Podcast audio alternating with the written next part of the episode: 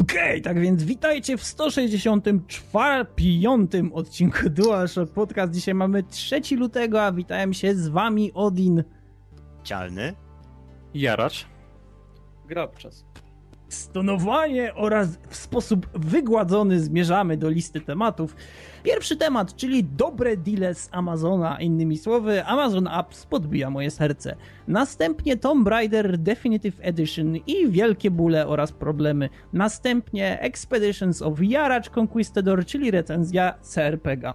E, następnie, właściwie już przedostatni temat, Dungeon Keeper i Keepero podobne, czyli lanie łez i krzyki rozpaczy. A na sam koniec dość rozbudowany temat, czyli gry detektywistyczne, gatunek wymierający, czy też tląca i iskierka nadziei. Zapraszamy.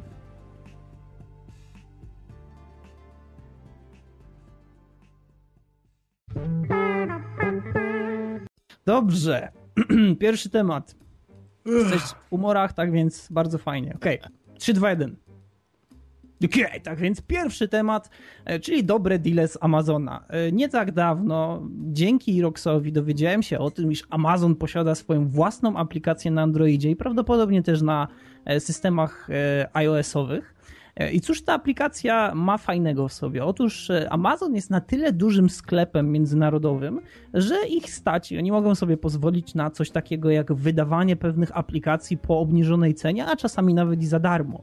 I teraz chyba to, co jest najfajniejsze w tym, e, co tutaj znalazłem, to okazuje się, że Amazon Apps codziennie selekcjonuje sobie jeden program albo jedną grę, którą oddaje całkowicie za darmo dla nas, dla użytkowników. Tak więc to jest naprawdę świetna sprawa, dlatego że jeszcze nie tak dawno, jak e, wydaje mi się dwa albo trzy dni temu, na Amazonie pojawiła się Magica, czyli Magic the Gathering, ale ona się akurat tam nazywa Magic 2014, to jest pełna nazwa więc pojawił się Magic 2014 całkowicie za darmo. Gra, która chyba normalnie kosztowała 8 baksów, na polskim Amazonie chyba jakieś 24 zł, po prostu została oddana w ręce użytkowników od tak.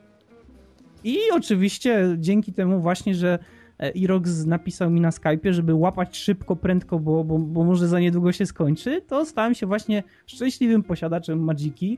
E, I też e, chyba następnego dnia pojawiła się taka bardzo fajna gierka, która nazywała się Star Commander, którą można sobie mm, wyobrazić mniej więcej jako połączenie FTL-a z zarządzaniem bazą swoją własną, ale mam tutaj na myśli statek czyli mamy swój statek i e, powoli go zaczynamy rozbudowywać, ale jednocześnie mamy mapę galaktyki i sobie tam skaczemy między planetami, między kolejnymi systemami i e, oczywiście e, pojawiają się różne obiekty, które chcą naszej zagłady lub też na przykład ludzie, którzy chcą wykonać abordaż i to tak naprawdę wszystko odbywa się właśnie w takiej FTL-owej konwencji. Przy czym grafika jest niemalże identyczna jak w FTL-u, może trochę bardziej dokładna i ja ogólnie myślę, że dla wszystkich e, naszych słuchaczy, którzy e, posiadają jakieś smartfony, warto, naprawdę warto sprawdzić, czy przypadkiem nie możecie sobie pobrać z Amazonu albo właśnie z Android Marketu, albo z I, iOS Shopu, nie wiem jak się nazywa App tam, Store. App Store, o przepraszam, z App Store'u, czy nie możecie sobie po prostu pobrać Amazon Apps, e, bo właśnie tam znajdują się naprawdę świetne okazje i nawet jeśli nie chcecie nic tam kupować, to no naprawdę, jeśli codziennie dostajemy jakąś aplikację yy, i Amazon po prostu ją nam daje, to czemu by nie spróbować? Ja naprawdę jestem bardzo zadowolony z Magiki. Oczywiście yy, niestety jest tutaj e, pewien minus. Większość z tych aplikacji, zresztą tak jak już niemal wszystkie, które powstają na urządzenia przenośne, e, posiadają in-game purchases, czyli innymi słowy takie e, możliwości na przykład zasilenia swojego konta jakąś tam ilością złotych monet, aby coś tam wykonać szybciej e, lub na przykład rozwiązać jakąś walkę natychmiastowo. Tak więc to jest minus. Ale sam fakt tego, że dostajemy naprawdę bardzo fajne gry lub też programy, bo na przykład dzisiaj na App Store, przepraszam, na App Store, na Amazon Store mamy e, personalnego trenera, czy też wspomagacza treningu, który ma cały atlas i jednocześnie może być stoperem i może odliczać nasze powtórzenia i może nam plunkać, jeśli e, mamy już skończyć ćwiczenia, a potem nam plunka, że mamy odpoczywać, a potem nam plunka, że koniec odpoczynku. E, to są całkiem fajne, przydatne aplikacje, które mogą naprawdę uzupełnić czyjś, czyjąś bibliotekę e, o jakieś nowe, przydatne funkcje. Tak więc nie wiem, co o tym myślicie, ale ja uważam, że to jest naprawdę świetna sprawa. Znaczy ja ogólnie myślę, że to jest bardzo fajna inicjatywa, szczególnie od Amazona, bo no, rzadko zdarzają się takie typowe, powiedzmy, większe firmy, które się zajmują akurat czymś takim, tak? No Amazon jest no, potężną firmą i z tego powodu, że oni chcą w ogóle coś takiego robić, jest to moim zdaniem świetne. Chciałem też tutaj nawiązać trochę do tego, że e, App Store ogólnie ma e, coś takiego zrobione, że raz na jakiś czas jakieś tytuły konkretne pojawiają się po prostu tam za darmo i, i trzeba sobie lukać. Ja w ten sposób wyhaczyłem między innymi Asphalt Urbana 8, Infinity Blade trójka był nawet kiedyś za darmo, ja niestety nie byłem na tyle cierpliwy i go kupiłem, ale jest, jest bardzo wiele tytułów, które na przykład przy jakichś specjalnych świętach czy coś y, no, puszczają y, na 24 godziny w cenie, w cenie zero i najgorzej jest to, jeżeli powiedzmy zagapimy się, tak? Bo na drugi dzień na przykład cena pokazuje się 5,99 i, i to jest straszne. Ktoś jeszcze oprócz mnie? Coś? Tak, może?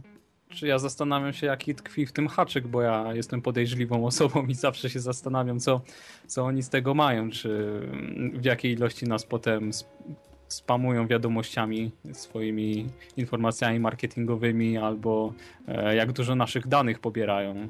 Wiesz co, na, jeśli na chodzi korzyść. o Amazona, bo e, żeby tam dokonywać jakichkolwiek, e, w cudzysłowie, zakupów, tak, za 0 zł, e, to musimy oczywiście dodać się w sklepie jako klient, to jedyne, co ci przychodzi po dokonaniu zakupu, to jest pytanie Amazonu, czy chciałbyś ten produkt zwrócić i czy jesteś zadowolony z zakupu, bo nie wiem, czy wiesz, ale Amazon ogólnie jest na tyle fajnym sklepem, że kupując u nich jakieś produkty, które są spod ich marki, na przykład branding Kindla, czyli mamy całą rodzinę czytników e-papier, tak zwany, e, które bardzo dobrze się sprzedają, są bardzo funkcjonalne i też e, no, dość rozpoznawalne na świecie. To jeśli chodzi o Kindle, to jeśli coś ci się z tym Kindlem stanie, to Amazon ma taki system gwarancyjny, że e, prosi cię o w momencie, w którym pojawi się kurier w twoim domu, o po prostu podanie Kindla, który się zepsuł, a oni wysyłają ci od razu nowy Kindle bez jakiejkolwiek mm, papierkowej roboty, czy jakiegoś, nie wiem, dopytywania się, a przypadkiem nie jest zalany, a czy przypadkiem źle pan na niego patrzył, a czy może leżał na kawie, a może, nie wiem, słońce na niego padało pod złym kątem. E, więc e, oni są naprawdę porządną firmą, która wywiązuje się w 100% z tego, do czego tak naprawdę została stworzona, czyli po prostu sprzedają te rzeczy po dobrych cenach e, i tak jak powiedział Cialny, stać ich na to. I to jest chyba najfajniejsze, że jest firma, która mimo tego, że mogłaby tego nie robić, bo przecież nikt nie każe im sprzedawać tych gier po 0 zł, czyli właściwie oddawać je za darmo. E, oni to robią, bo najwyraźniej, no nie wiem, no najwyraźniej po prostu ich na to stać i myślę, że to jest e, strasznie, strasznie fajne dla takich ludzi na przykład jak ja, którzy niekoniecznie kupują gry na urządzenia przenośne albo jakieś programy, bo w sumie nie widzę w tym jakoś specjalnie sensu. Na Google Play pojawiają się przeceny powiedzmy 3, 5 razy do roku, takie jakieś większe, poważniejsze, kiedy można było na przykład kupić, e, no nie wiem, Edmondo, czyli takiego, takiego partnera przy bieganiu, który liczy ci kilometry, zaznacza to na mapie i tak dalej. Jest całkiem kompetentny w tym, co robi. E, ale to mimo wszystko tylko 3 do 5 razy w roku pojawiają się takie większe przeceny, a tutaj na Amazonie mamy po prostu codziennie coś za darmo, codziennie coś za darmo. Więc e, to, to naprawdę buduje moją e, wiarę czy moje zaufanie w tą firmę, bo taka polityka naprawdę bardzo mi się podoba. Ja myślę, że oni są e, bardzo fair i świetnie traktują tych swoich klientów. Ogólnie, ogólnie, jeżeli Amazon właśnie sobie na to pozwala i ja raczej mogę ci spokojnie powiedzieć, że nie było żadnych tych, że oni na pewno nie będą ci wysyłać tony spamu, ani nic z tego robić. Oni po prostu wykorzystują y, kasę, którą mają powiedzmy na reklamy, tak? Bo oni też dużo y, dostają za jakieś tam reklamy swoje i przez to oni też to mogą wystawiać, tak? A poza tym to jest tak duża firma, że oni się nie będą cackać, a wiedzą, że czymś takim na przykład zdobędą nowych klientów, którzy fajnie dostałem to za darmo, to mam za darmo od tej firmy. Kurczę, zobaczę, co oni jeszcze tam na tym rynku mają, tak? I ogólnie, no, na, na iOSie, tak, jestem typowym iOS-owcem, iPhone'owcem, iPadowcem i tak dalej. Nie bijcie, proszę. Yy, też było coś takiego po świętach, to było napisane yy, 12, tam 12 Days of App Store czy coś takiego. I było to zrobione tak, że właśnie dzień w dzień było coś innego za darmo. Też już dodatkowo, poza tymi wszystkimi duperelami, tylko że wychodziło to, że to nie są tylko gry i programy jakieś, ale oprócz tego muzyka, filmy.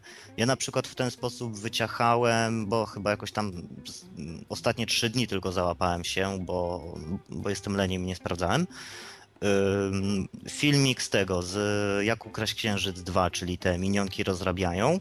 I tam były takie trzy mini filmy ekskluzywne, które też były na Blu-rayu, ale, ale mam je na iPhone'ie i na iPadzie i zawsze mogę je sobie obejrzeć, jeżeli potrzebuję 14 minut przyjemnej rozrywki.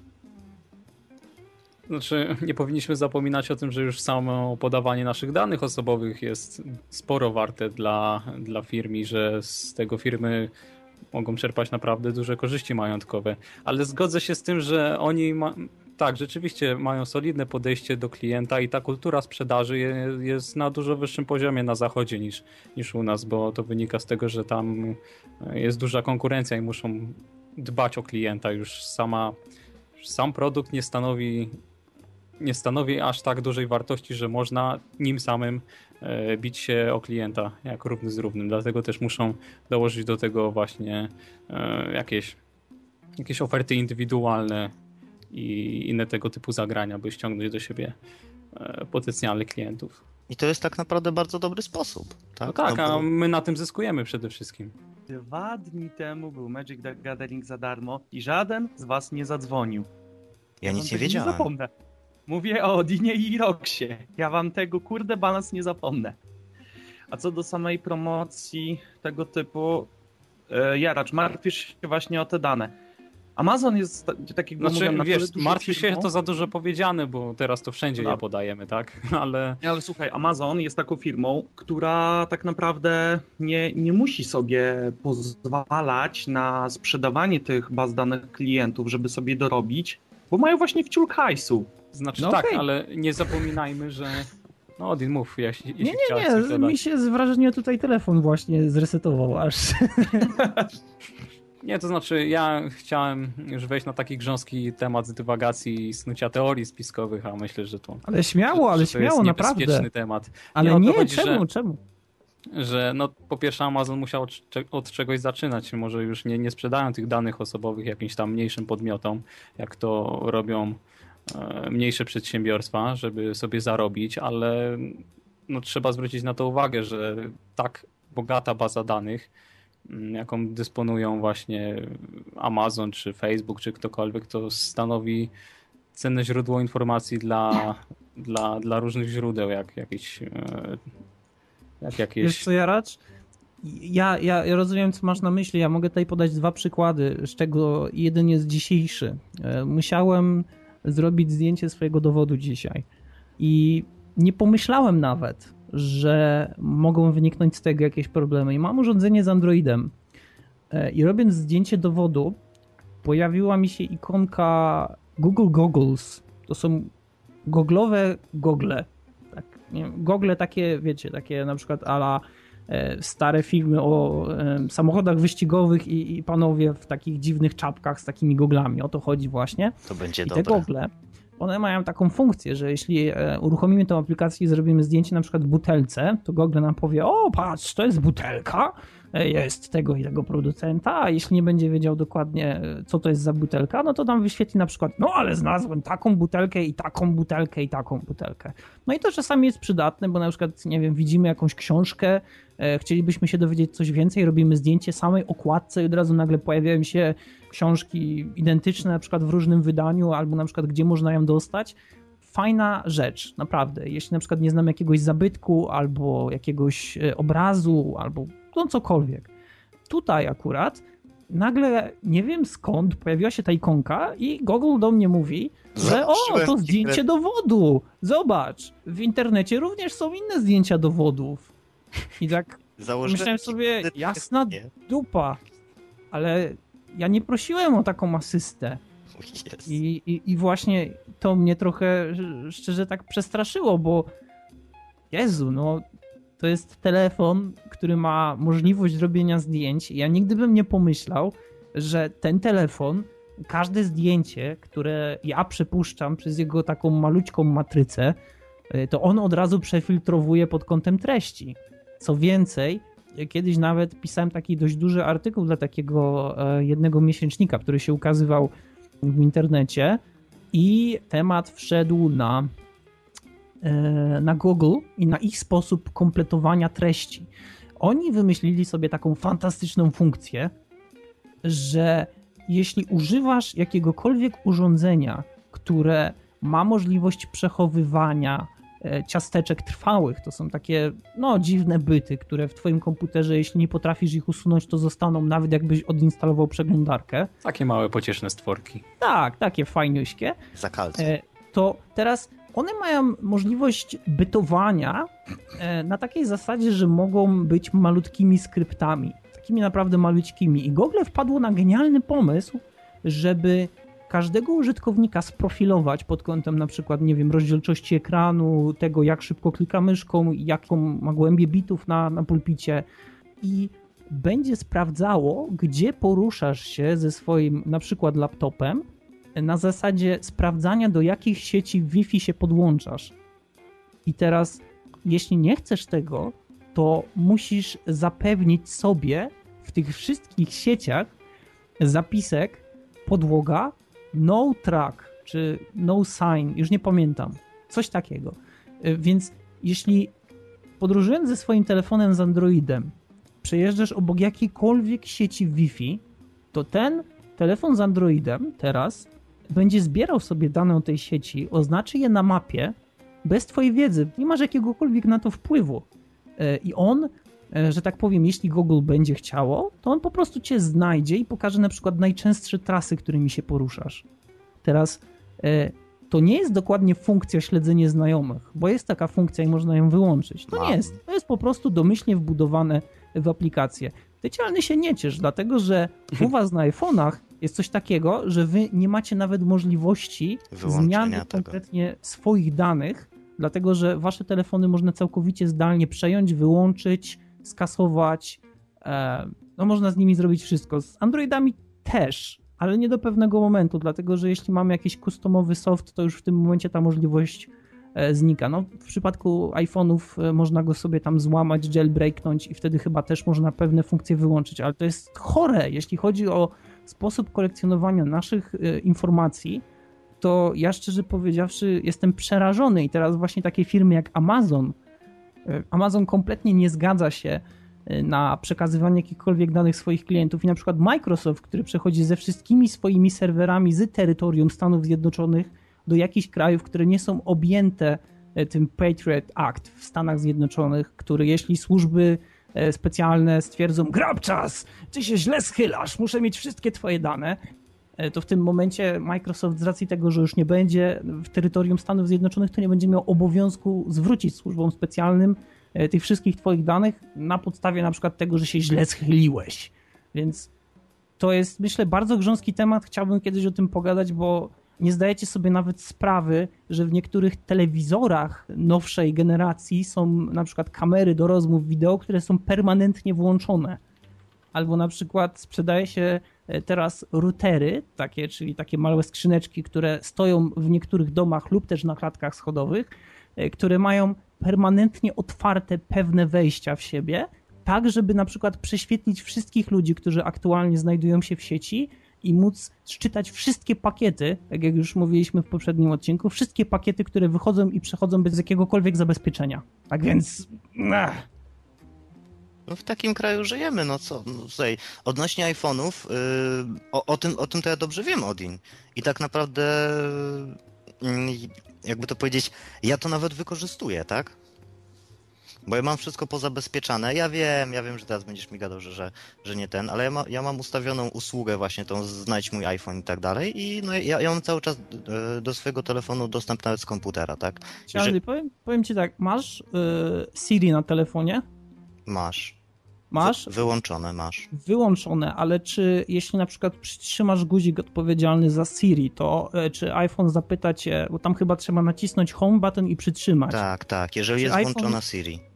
A jeśli jest wyłączona, to co się wtedy dzieje? To jest standardowe wybieranie głosowe polskie do telefonów bądź muzyki.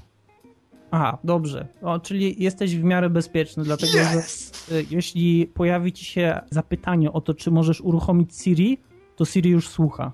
Ja wiem. A jeśli masz y, uruchomione Siri, to możesz całkowicie obejść blokadę telefonu i tak naprawdę poprosić Siri, żeby wysłała całą zawartość twojej karty pamięci i telefonu na dowolny adres mailowy. Tak więc pozdrawiam. Znaczy ja ci powiem, że kurczę z Siri właśnie miałem, miałem taki problem, znaczy z poprzednim iPhone'em, że popsuł mi się, tak, popsuł mi się iPhone, pierwszy raz mi się zdarzyło. E, z tym przyciskiem górnym blokującym, tak? To zostało oczywiście naprawione bez tam zbytniego gadania, ale już nawet e, zastanawiałem się, jak to zrobić i wpadłem na pomysł, kurde, przecież ta Siri jest taka inteligentna, może ona mi zablokuje telefon, nie? Powiedziała, że nie jest w stanie tego zrobić. Rafał, bardzo mi przykro, ale nie. W tym momencie powiedziałem, żegnaj, nie chcę cię więcej słuchać. I, i koniec, I się, i się skończyły romanse z Siri. Ja chciałem tylko zapytać Jaracza. Jaracz, czy twój pentagram się kiedyś zepsuł? nigdy, nigdy się nie zdarzyło i nigdy się nie zdarzy. Będzie żył do końca świata. Czyli Ale nie co- używasz go. Nie no jak? Nie no to jest pentagram, tam już były wykonywane wokół niego jakieś takie różne okultystyczne obrzędy, on nie ma prawa się zepsuć. Okej. Nie, ale ja chciałem jeszcze dodać do tematu, że no cóż, świat podążył w takim kierunku inwigilacji. Jeśli mm, dla firm na przykład takie głupie informacje na temat tego, mm, co kupiliśmy w sklepie albo w jakim jesteśmy wieku są bezcenne i stanowią wartość, to, co do, to jaką dopiero stanowią wartość nasze dane osobowe, na które, mm, które zgadzamy się po prostu oddawać tak od ręki innym podmiotom którymi są, mogą być zainteresowane służby specjalne czy ktokolwiek. Ja teraz nie mówię oczywiście, nie hejtuję, nie mówię, że nie wychodźcie z domu, w ogóle nie pokazujcie swojej mordy, ale po prostu chciałbym, chciałbym to zaznaczyć, że... Ale, ale zachęcam. Nie, ale chciałbym zaznaczyć, żeby ludzie byli świadomi tego, że wszystko, co ich dotyczy, wszystkie te informacje mają realną wartość. I żeby, żeby nie zgadzali się oddawać je tak pochopnie. Tak, a Ja do- myślę, że mógł- mógłbyś tutaj dodać, że w PKO nadal, mając e, twój numer telefonu, imię matki oraz na przykład jeszcze jakąś jedną dodatkową informację, można nie do końca zmienić hasło do konta, ale można wyciągnąć bardzo, bardzo wiele rzeczy. No tak, na, na zachodzie na przykład, y, w Ameryce chyba jeszcze w kilku krajach y, zachodniej Europy już wprowadzono choćby w autobusach czujniki, które na podstawie tego, mm, jak ktoś wchodzi, określają wiek danej osoby i płeć i na podstawie tego wyświetlają y, reklamy w autobusie skierowane właśnie do danej grupy wiekowej. Więc takie głupie informacje są, naprawdę stanowią wartość. No, a my tutaj gadu gadu o dobrych dealach z Amazonu. Jeszcze są mm, teraz też sprytne takie sposoby mm, znajdują na ludzi, dzięki którym ludzie od, oddają te informacje dobrowolnie. No, o Facebookach nie wspominam, bo to jest oczywiste.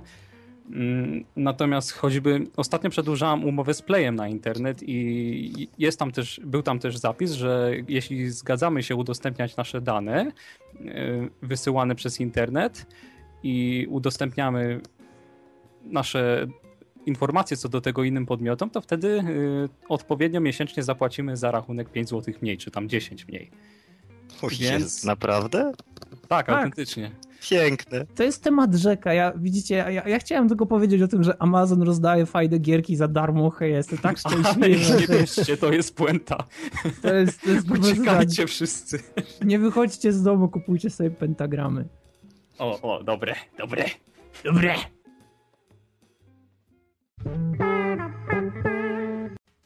Okej, tak więc kolejny temat, czyli Tomb Raider Definitive Edition. E, szczerze, nie zdawałem sobie sprawy, że tak wiele zmieniło się w Tomb Raiderze od czasu, kiedy grałem w niego około pół roku temu, ale okazuje się, że zmieniło się naprawdę bardzo dużo i tutaj chłopaki na pewno wam przybliżą, co dokładnie się zmieniło.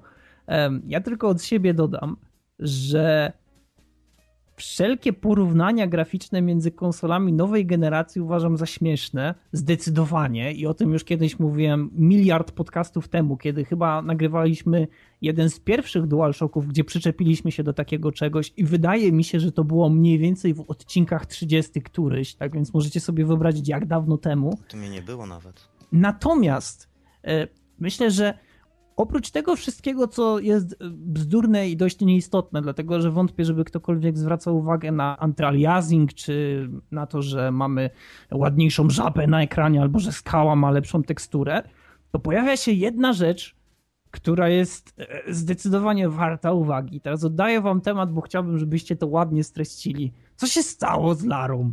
Ja na początek się jeszcze wam wetnę i zaraz wam oddaję głos. Chciałbym tylko ogłosić, że ten temat nagrywany jest w 60 klatkach. Dziękuję. Tak, co się stało? E, prawdopodobnie e, lekka liposukcja, e, ten tłuszczu z policzków, botoks na usta, podniesiona linia brwi i generalnie to Lara ma inny ryj. Lara no wygląda jak inna osoba ma całkowicie po prostu przeprowadzoną operację plastyczną. What the fuck? A, i ma jeszcze zmienioną fryzurę. Dobrze. Tylko, tylko na to byłem w stanie zwrócić autentycznie uwagę, bo nie, przepraszam, jest jeszcze jedna ważna różnica. Nie wiadomo z jakich przyczyn y, każda wersja ma swoją jakąś tam baletę y, barw, paletę barw i cieniowanie jest jakieś dziwne. Czy na, na Xboxie po prostu gama została podciągnięta, żeby kolory były bardziej żywe? To, to jest moje zdanie i kogoś chyba też z komentarzy z tego, z YouTube'a, tak jak sprawdzałem. Ale ogólnie, znaczy ta twarz wygląda dużo ciekawiej teraz na, na Xboxie One i na PS4. Nie, nie. Nie? A czemu nie? mi się... Nie. Ona nie wygląda jak Lara, ona nie wygląda jak y, kobieta, dziewczyna która jest nie dość, że wystraszona, nie dość, że musi się odnaleźć w tej sytuacji. Ja wiem, że to jest zrealizowane w konwencji gier, tak więc jej przemiana następuje bardzo szybko, ale jej e, ekspresja, jej aparycja zawsze mi e, podchodziły. Natomiast to, co teraz jest zaprezentowane, to jest po pierwsze twarz, która jest nieskalana brudem. Nie wiem, czy zauważyliście w tym porównaniu, ale ona zdecydowanie wygląda czyściej. A nie daliście mi dokończyć, wiecie co? Foch ale no to proszę bardzo. Nie, nie, nie. chodziło mi o to, że y, ta twarz wygląda dużo ciekawiej, dużo ładniej moim zdaniem, ale tak jak właśnie mówiłeś o tej ekspresji, ona jest tutaj zupełnie niezachowana, bo jeżeli widać to w jakiej, nie wiem, czwartej czy piątej minucie tego filmiku, ewentualnie Odin wrzucisz to porównanie, bo jest po prostu przegenialne, y, jest taka śmieszna scenka, gdzie ona na wersji y, PC-owej Xbox 360 i PS3 jest po prostu tak wyraźnie zmartwiona i widać to po jej twarzy, że ona jest po prostu zmartwiona,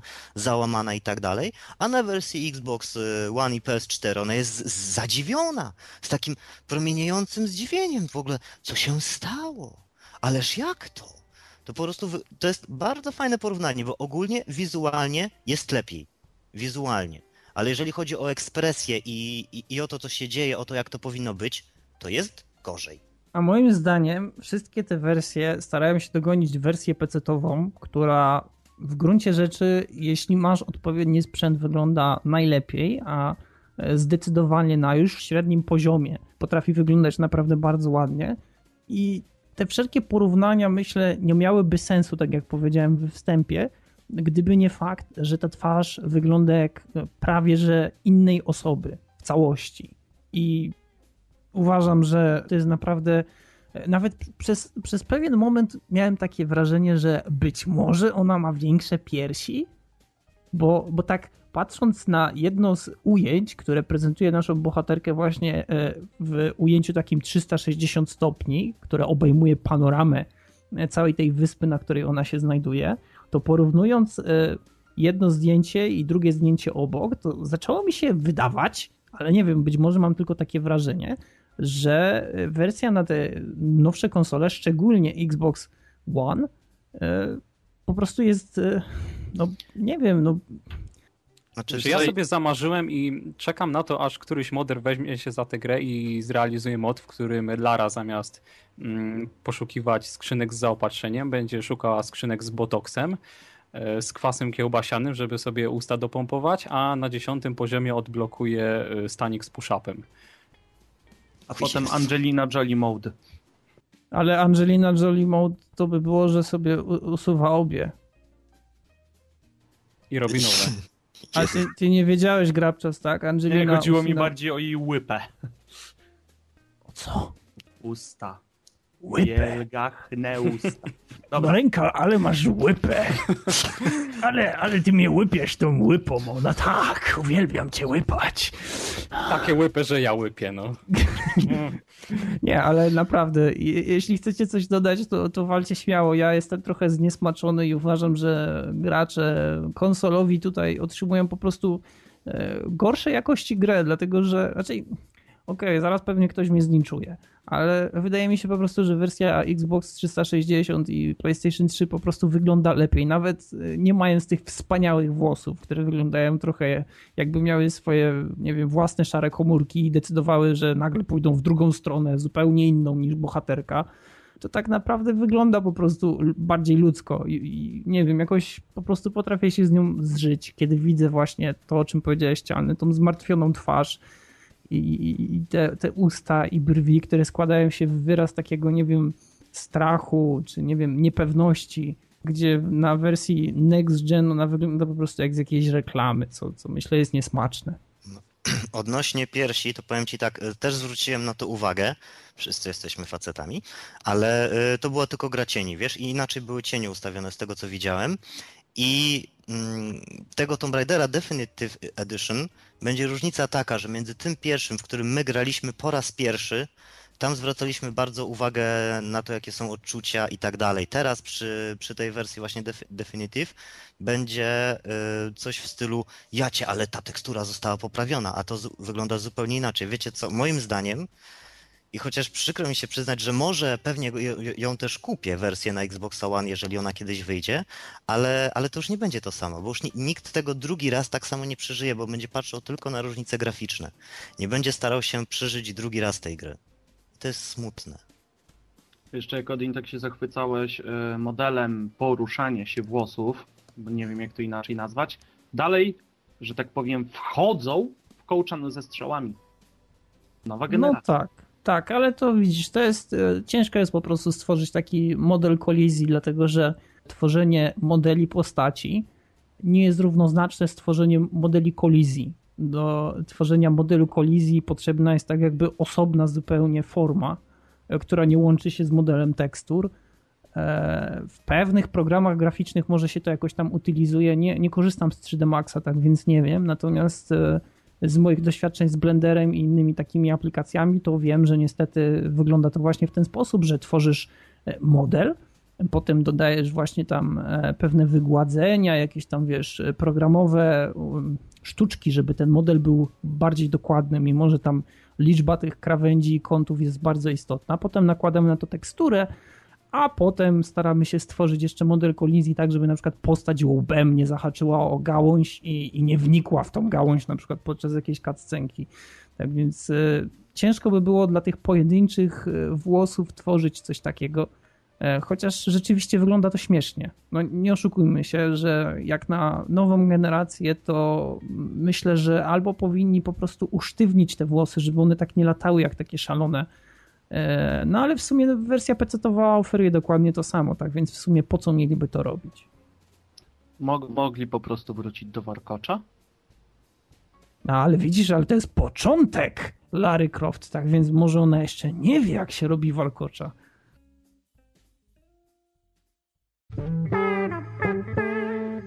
Okej, tak więc trzeci temat, tym razem przygody jaracza w grze RPG, która jest ponoć wyjątkowo rozbudowana jak myślę, y, bardzo niewiele mieliśmy okazji, żeby omawiać na łamie DualShocka y, tak duże, tak bardzo rozbudowane gry, jaką jest e, Expeditions Conquistador. Tak więc Jaracz, powiedz nam dlaczego akurat ta gra i co jest w niej tak szczególnego. No tak, moje motywacje, powiem szczerze, nie były zbytnio rozbudowane, bo ograniczyły się do tego, że natknąłem się całkiem przypadkowo z pół roku temu na tę grę na Steamie.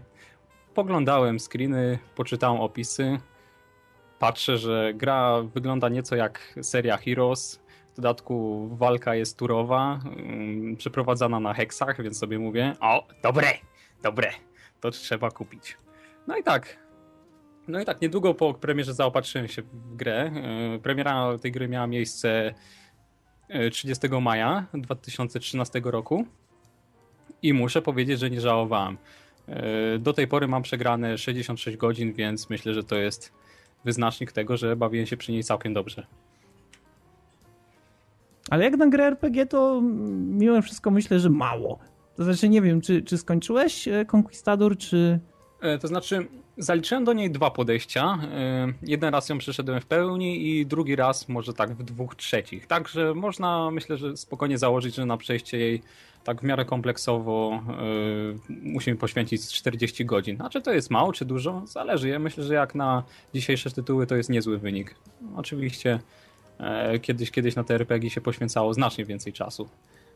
No ale to jest też, trzeba pamiętać, że to jest e, no, naprawdę świeża gra, a mimo wszystko mamy heksy.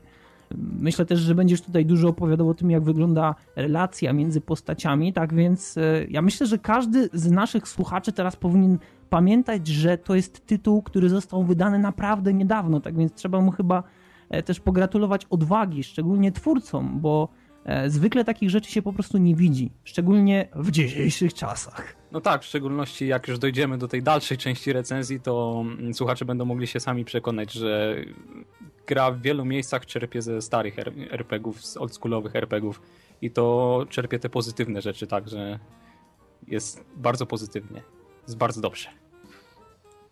Także co, no może początek. Gra rozpoczyna się w ten sposób, że jest nam przedstawione, że jesteśmy dziedzicem albo dziedziczką, w zależności od płci, którą sobie wybierzemy, e, wpływowego, wpływowego hiszpańskiego barona. I oczywiście wyruszamy w Nowy Świat ku e, Ameryce, by zdobywać złoto, splendor, chwałę. E, I także początek, jak dla każdego RPG, jest standardowy. No, wybieramy swoją postać, rozdysponowujemy statystyki pomiędzy sześcioma umiejętnościami i dalej przechodzimy do okienka wyboru drużyny. E, mamy, mamy tutaj do wyboru e, około 30 postaci w sumie i postacie się dzielą przede wszystkim na klasy, których jest 5 e, i każda z postaci, co jest najważniejsze, dysponuje oprócz wyposażenia i tego typu rzeczy, dysponuje trzema unikalnymi cechami charakteru, które definiują te postacie. I mm, które definiują to, jak postacie będą reagować na nasze czyny w ciągu gry. Czy będą im rosły morale, czy będą spadały ze względu na nasze decyzje. I każdy z konkwistadorów do wyboru dysponuje taką krótką biografią, z, którym, z którą możemy się zapoznać i którą będziemy mogli zgłębiać w trakcie gry poprzez dialogi właśnie z danymi postaciami i będziemy mogli poznać naszych współtowarzyszy lepiej. Y, I sam początek prezentuje się w ten sposób, że trafiamy na wyspę Hispaniola y, na Wyspach Karaibskich I dowiadujemy się, że tamtejszy gubernator rozkazuje skonfiskować nasze dobra i że nie wypuści nas wolno w dalszą ekspedycję, dopóki nie wyświadczymy mu przysługi. No i tak się zaczyna nasza przygoda. Mm, I jeśli chodzi o takie wrażenie na początku, to gra nie wygląda oszałamiająco podczas podczas tego pierwszego naszego doświadczenia, gdy na nią patrzymy. Mamy tutaj widok izometryczny, tak jak e, podobny do tego, którego doświadczyliśmy w Heroesach albo w serii King's Bounty. I no, grafika jest taka, jest ok po prostu. No, ani nas nie odstręcza, ale również z drugiej strony nas nie, nie zachęca jakoś no, specjalnie. nie ma, ale wygląda porządnie. Tak, no nie zapominajmy, że to jest ciągle gra indie e, w takiej, w takiej przyzwoitej cenie w miarę, więc, więc nie powinniśmy tutaj się spodziewać jakichś nie wiadomo jakich fajerwerków. Mówisz przyzwoita cena, ja tutaj widzę, że na Steamie ona w tej swojej e, pełnej wersji kosztuje 20 eurosów, tak więc... Tak, to jest, dużo to jest cena, która była, z którą mieliśmy do czynienia zaraz po premierze gry, więc yy, proponowałbym się zaopatrzyć w nią przy okazji jakiejś promocji albo się...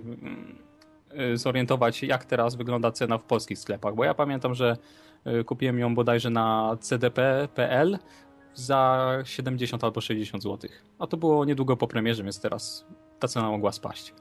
Ale to tak czy inaczej dość sporo ja. Trzeba ci pogratulować determinacji, czyli naprawdę musiało ci się w tej grze E, coś spodobać. Teraz pozwól, że. Znaczy, oczywiście to zależy jak na czyje standardy, bo są ludzie, którzy kupują premierowe edycje gier po 200 zł nawet. Ale rzeczywiście są ludzie, którzy kupują kolekcjonerki za 500 zł razem z dupną figurką, ale no, no wiesz, każdy ma swoje własne można. preferencje.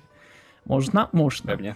E, tak czy inaczej powiedziałeś, że zabierane są nam nasze dobra, a mimo wszystko my staramy się e, poszukiwać tego splendoru i kierować się ku chwale i zachodowi słońca. Tak więc jaką mamy tutaj fabułę, idąc dalej? Nie musisz zdradzać wszystkiego, natomiast ten wiesz, główny motor napędowy jest dość istotny. Ale to każdy, każdy gracz na samym początku się tego dowie. Właśnie gubernator nam się zwierzy, że gubernator Hispanioli, że ma problemy z rebeliantami i z tubylcami i że potrzebuje pomocy, inaczej nas nie wypuści. I mm, tutaj możemy się kierować różnymi motywami. Może to być chęć, mm, chęć pomocy temu gubernatorowi, który w końcu jest e, człowiekiem, który jest synem Hiszpanii, tak?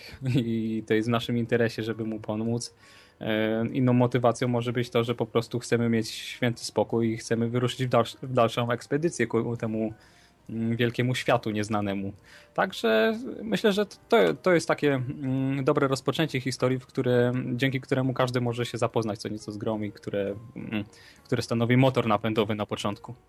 Czyli to nie wygląda w ten sposób, że gra nam mówi one man, one desire, one decision, czyli że my jesteśmy jedynym komandorem Shepardem, który może uratować galaktykę, tylko to jest po prostu rozpoczęcie w stylu staro-RPGowych gier na kartce papieru i zapyziałym stole, czyli jesteście w karczmie, czyli takie bardzo uniwersalne, tak, że każdy może się z grą zapoznać, mimo wszystko też e, przebojowe nie jest za bardzo, bo przynajmniej tak mi się wydaje, że skoro e, musimy się pozbyć rebeliantów, to no... Ja bym powiedział, że to jest taki typowo staroszkolny sposób prowadzenia RPGa, że po prostu gracz yy, gracz ma przed sobą przygodę, i samo to, jak będzie reagował y, w trakcie perypetii, które będą przed nim stawały na jego drodze, to samo to y, stanowi frajdę tak naprawdę. To gracz nie musi być mm, nie musi być wniesiony na podium i przedstawiony jako jakiś super bohater, żeby, żeby czerpać satysfakcję z gry. Tym bardziej, że w grze jest naprawdę dużo możliwości i jest szeroki wybór decyzji, przed którym gracz staje i które te decyzje mają wpływ nie dość, że na otaczający go świat, tak, typu, że przy każdym wyborze musimy się zmierzyć potem z konsekwencjami, ale w dodatku mm, na nasze decyzje rozmaicie reagują nasi członkowie naszej ekspedycji mówiłeś, że mamy heksy, czyli na pewno walczymy, właśnie będąc w tym heksagonalnym stylu, kiedy nasza postać może się odwrócić w raz, dwa, trzy, cztery, pięć, sześć stron. Ale czy poza walką również poruszamy się na heksach, czy już nie? E, nie, nie. Mamy do czynienia e, normalny, otwarty świat, to znaczy ograniczony oczywiście do jakiegoś tam obszaru.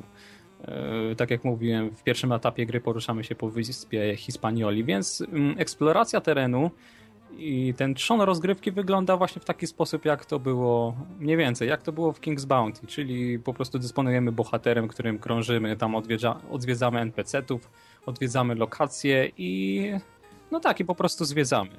Także można tę grę podzielić na właśnie na dwa tryby. Tryb eksploracji, mm, taki bardzo herosowy i tryb walki na heksach.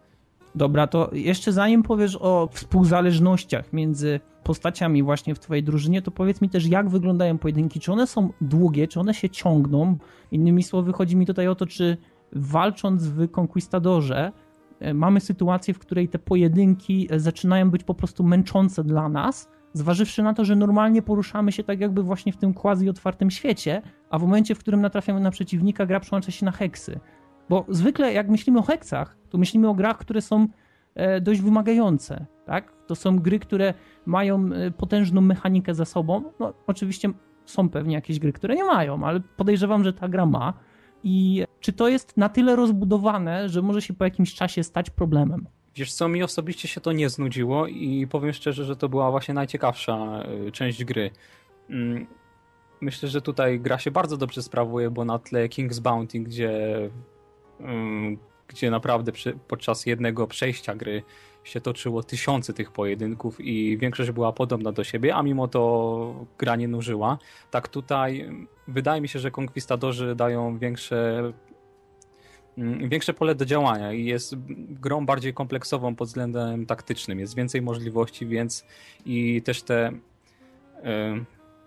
jakby to powiedzieć, warunki zwycięstwa w danym pojedynku albo okoliczności walki są na tyle różnorodne, że że zawsze jest coś ciekawego, tak? Są pojedynki, które potrafią trwać kilka minut, minut, a są takie, gdzie przeciwnik jest w znacznej przewadze liczebnej i potrafią trwać po kilkadziesiąt minut.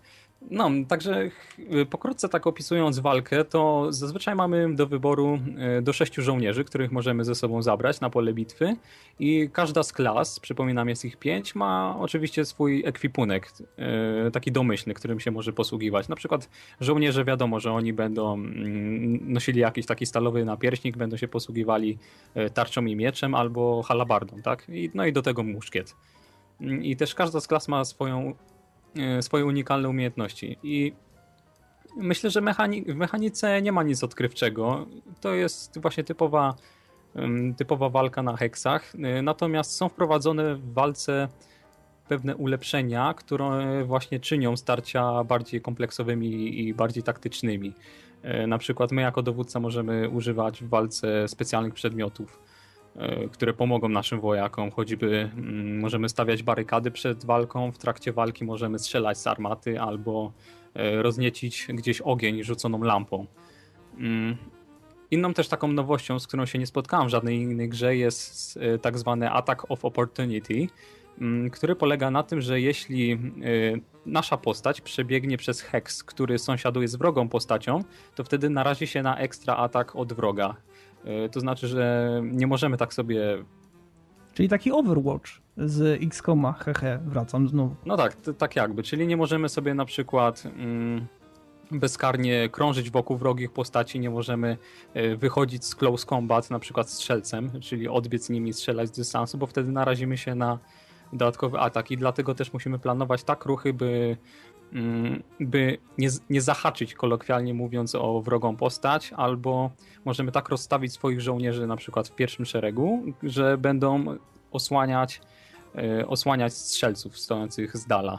Mm, jeszcze są inne, inne różne mm, inne różne ulepszenia wprowadzone, jak e, strzelanie w zasięgu wzroku, czyli e, taki jakby system coverów, są przy strzelaniu z dystansu są również prowadzone mm, szanse na trafienie, czyli jak to miało miejsce w XCOMie. E, także są wprowadzone ataki z flanki, co oznacza, że jeśli na przykład dwoma żołnierzami otoczymy mm, wrogą jednostkę, to wtedy dostaniemy premię do ataku. Także są takie fajne e, feature'y, które wzbogacają to doświadczenie, doświadczenie pojedynków. A i zapomniałem wspomnieć o tych różnych warunkach zwycięstwa. Tak, jesteśmy postawieni w różnych okolicznościach na przykład możemy stoczyć typową walkę, kiedy nas tubylcy napadają, tak? Mm, a no i oczywiście mamy tu do czynienia naprawdę z różnymi mm, rodzajami terenu, z różnymi mapami, na których się te walki toczą. E, mamy do dyspozycji walki, kiedy na przykład cywile okoliczni próbują nas okraść z pożywienia, tak? I musimy ich dorwać na tyle szybko, żeby, nam, żeby żaden z nich nie zdążył uciec. Mamy też właśnie tryby walki, gdzie to my musimy się ewakuować albo musimy przetrwać odpowiednią ilość tur E, także warunki zwycięstwa są zmienne i myślę, że wzbogacają rozgrywkę. Największą perełką w całej tej grze jest to, mm, jakie ona daje nam pole do wyboru. To jest mm, po prostu grając w nią, czujemy się jakbyśmy uczestniczyli w dobrze prowadzonej sesji RPG papierowego albo czytali naprawdę dobrze napisaną, e, interaktywną książkę, bo mm, tu każda decyzja znaczy inaczej, każda sytuacja daje nam pole do wyboru, mm, do, do podjęcia decyzji, która, mm, gdzie nie da się wyznaczyć, która decyzja tak naprawdę jest dobra. Y, musimy sami podjąć decyzję według tego, mm, jakim charakterem gramy, jakich mamy ludzi w swojej drużynie. I również na przykład w różnych sytuacjach będziemy mieli do czynienia z tym, że ktoś z naszej drużyny będzie miał do wtrącenia trzy grosze od siebie. Na przykład powie nam, że atakowanie tubylców odprawiających jakiś tam obrzędek swój przy świątyni, jakiś pogański, to że to jest zły pomysł, że powinniśmy ich zostawić. Tak to nam powie tolerancyjna postać na przykład. E, a postać mocno bogobojna, wierząca, będzie jak najbardziej za tym, żeby ich zaatakować, żeby pokazać tubylcom, czy, czy Bóg jest ten właściwy. I to, to jest tak naprawdę mm, największy plus tej gry. Jeśli chodzi o walki, o to, co się dzieje po walce, to już zależy od tego, z kim była stoczona walka, w jakich, w jakich okolicznościach, bo wiadomo, jeśli sprowokujemy jakiegoś mm, sprowokujemy jakiegoś y, wodza, jakiegoś plemienia do walki, no to oczywistym jest to, że później nie będziemy mogli z nim handlować albo y, będą do nas y, źle nastawieni. Ale z drugiej strony możemy tym zaplusować u konkurującego z nim plemienia Azteków, któremu będzie to na rękę, tak? Y, także jest bardzo dużo zmiennych w tej grze, a myślę, że też najpiękniejsze jest w niej to, że tak jak w starych papierowych RPG, gdzie po prostu nie wiedzieliśmy, co czeka przed nami i to od mistrza gry zależało, co się przytrafi naszej drużynie, tak? Z czym będziemy mieli do czynienia. Tak samo ma to miejsce w Conquistadorach, że te losowe zdarzenia naprawdę najrozmaitsze. Myślę, że w całej grze jest ich spokojnie z kilkaset, mm, że zdarzają się nam cały czas podczas podróży, eksploracji terenu, mm, jak i przy zakładaniu obozowiska, na przykład po, pod koniec tury. I oczywiście są też y, inne smaczki w tej grze, y, właśnie jak wspomniałem o kończeniu tury. Y, cała, cały ten tryb eksploracji jest podzielony na, tak składa się z tur, gdzie mamy do wykorzystania mm, pulę, dostępną pulę ruchu, tak? I po skończeniu każdej tury musimy rozbić obozowisko i po prostu odpocząć. W tym trybie oddelegowujemy naszych podwładnych do określonych zadań, najlepiej ze względu na ich specjalizację, na ich statystyki, na przykład łowców do łowienia zwierzyny, żołnierzy do ochraniania obozowiska, y, zwiadowców do patrolowania terenu i tak dalej, i tak dalej. Wtedy podejmujemy decyzję, gdzie ich oddelegować, y, rozdajemy im racje żywnościowe, i ty również mog mogą podczas tego się zdarzyć jakieś random eventy, tak? Na przykład w nocy mogą się jacyś niewolnicy nasi zbuntować. Także to jest, to jest ogólnie cała frajda i cała perełka tej gry, że nie wiemy, co, co jest przed nami, co może nas czekać i co się przydarzy naszej drużynie. I oczywiście podczas różnie, również podczas tych eventów pogłębiamy relacje z, naszymi podwładnymi. Dowiadujemy się co nieco przez rozmowę z nimi, co oni robili wcześniej, zanim wyruszyli na, zanim wyruszyli właśnie na te ekspedycje z nami, y, jakie mają motywacje. Oczywiście również mogą tu zajść romanse pomiędzy naszymi A, w końcu. Właśnie tak już czekałem od dłuższego czasu, czy może pojawią się romanse no wiesz, no ile podwładnych, tyle różnych związków może być, tak? Mm, od startu dysponujemy drużyną 10 ludzi, ale nie zapominajmy, że podczas podróży jeszcze możemy zwerbować kolejnych. Może ktoś, może jakiś tubylec się do nas przyłączy, może mm, wódz wioski zaoferuje nam swoją córkę jako żonę. Też jest taka sytuacja, więc no jest, jest to naprawdę dużo, duże pole do wyboru. Ale to nie są e, losowo generowane postacie, tak? Tylko postacie, które już, już są trwale wpisane w fabułę i to nie są ludzie na przykład wzięci z poszczególnych tam sprite'ów z, z losowym imieniem. No nie, nie. Tak? Akurat, posta akurat okay. postacie tak y, są mm, trwale osadzone w grze tak samo jak główna oś fabularna, ale same te eventy, które, których możemy doświadczyć podczas naszych podróży, to większość z nich jest generowana losowo i, i nie mamy na nie wpływu. Znaczy mamy na nie wpływ, jak już się wydarzą, jak na nie zareagujemy, ale co nam się przydarzy konkretnie, w którym miejscu, na to nie mamy wpływu. Warto byłoby jeszcze dodać, y, jak nam gra, w jaki sposób przedstawia te treści. Także. Śmiało. Także w grze nie, nie, nie uświadczymy wypowiadania dialogów osoby, które nie lubią czytać, w ogóle nie powinny się zabierać za tę grę, bo y, gra buduje całą historię i klimat wyłącznie tekstem pisanym i oszczędnymi grafikami przy tym. Mm, ale myślę, że oba te elementy są tak dobrze zrealizowane, że mm, tak jak wspomniałem wcześniej, mamy wrażenie, jakbyśmy właśnie y, czytali dobrze, dobrze napisaną, interaktywną książkę. I jeszcze warto dodać, że odnośnie tego czytania, że osoby, które nie znają angielskiego na poziomie przynajmniej moim zdaniem średnio zaawansowanym, e, nie powinni się zabierać za ten tytuł, bo będą mieli trudności z, od, z odbieraniem tej gry i z, z czerpaniem całej radości z niej.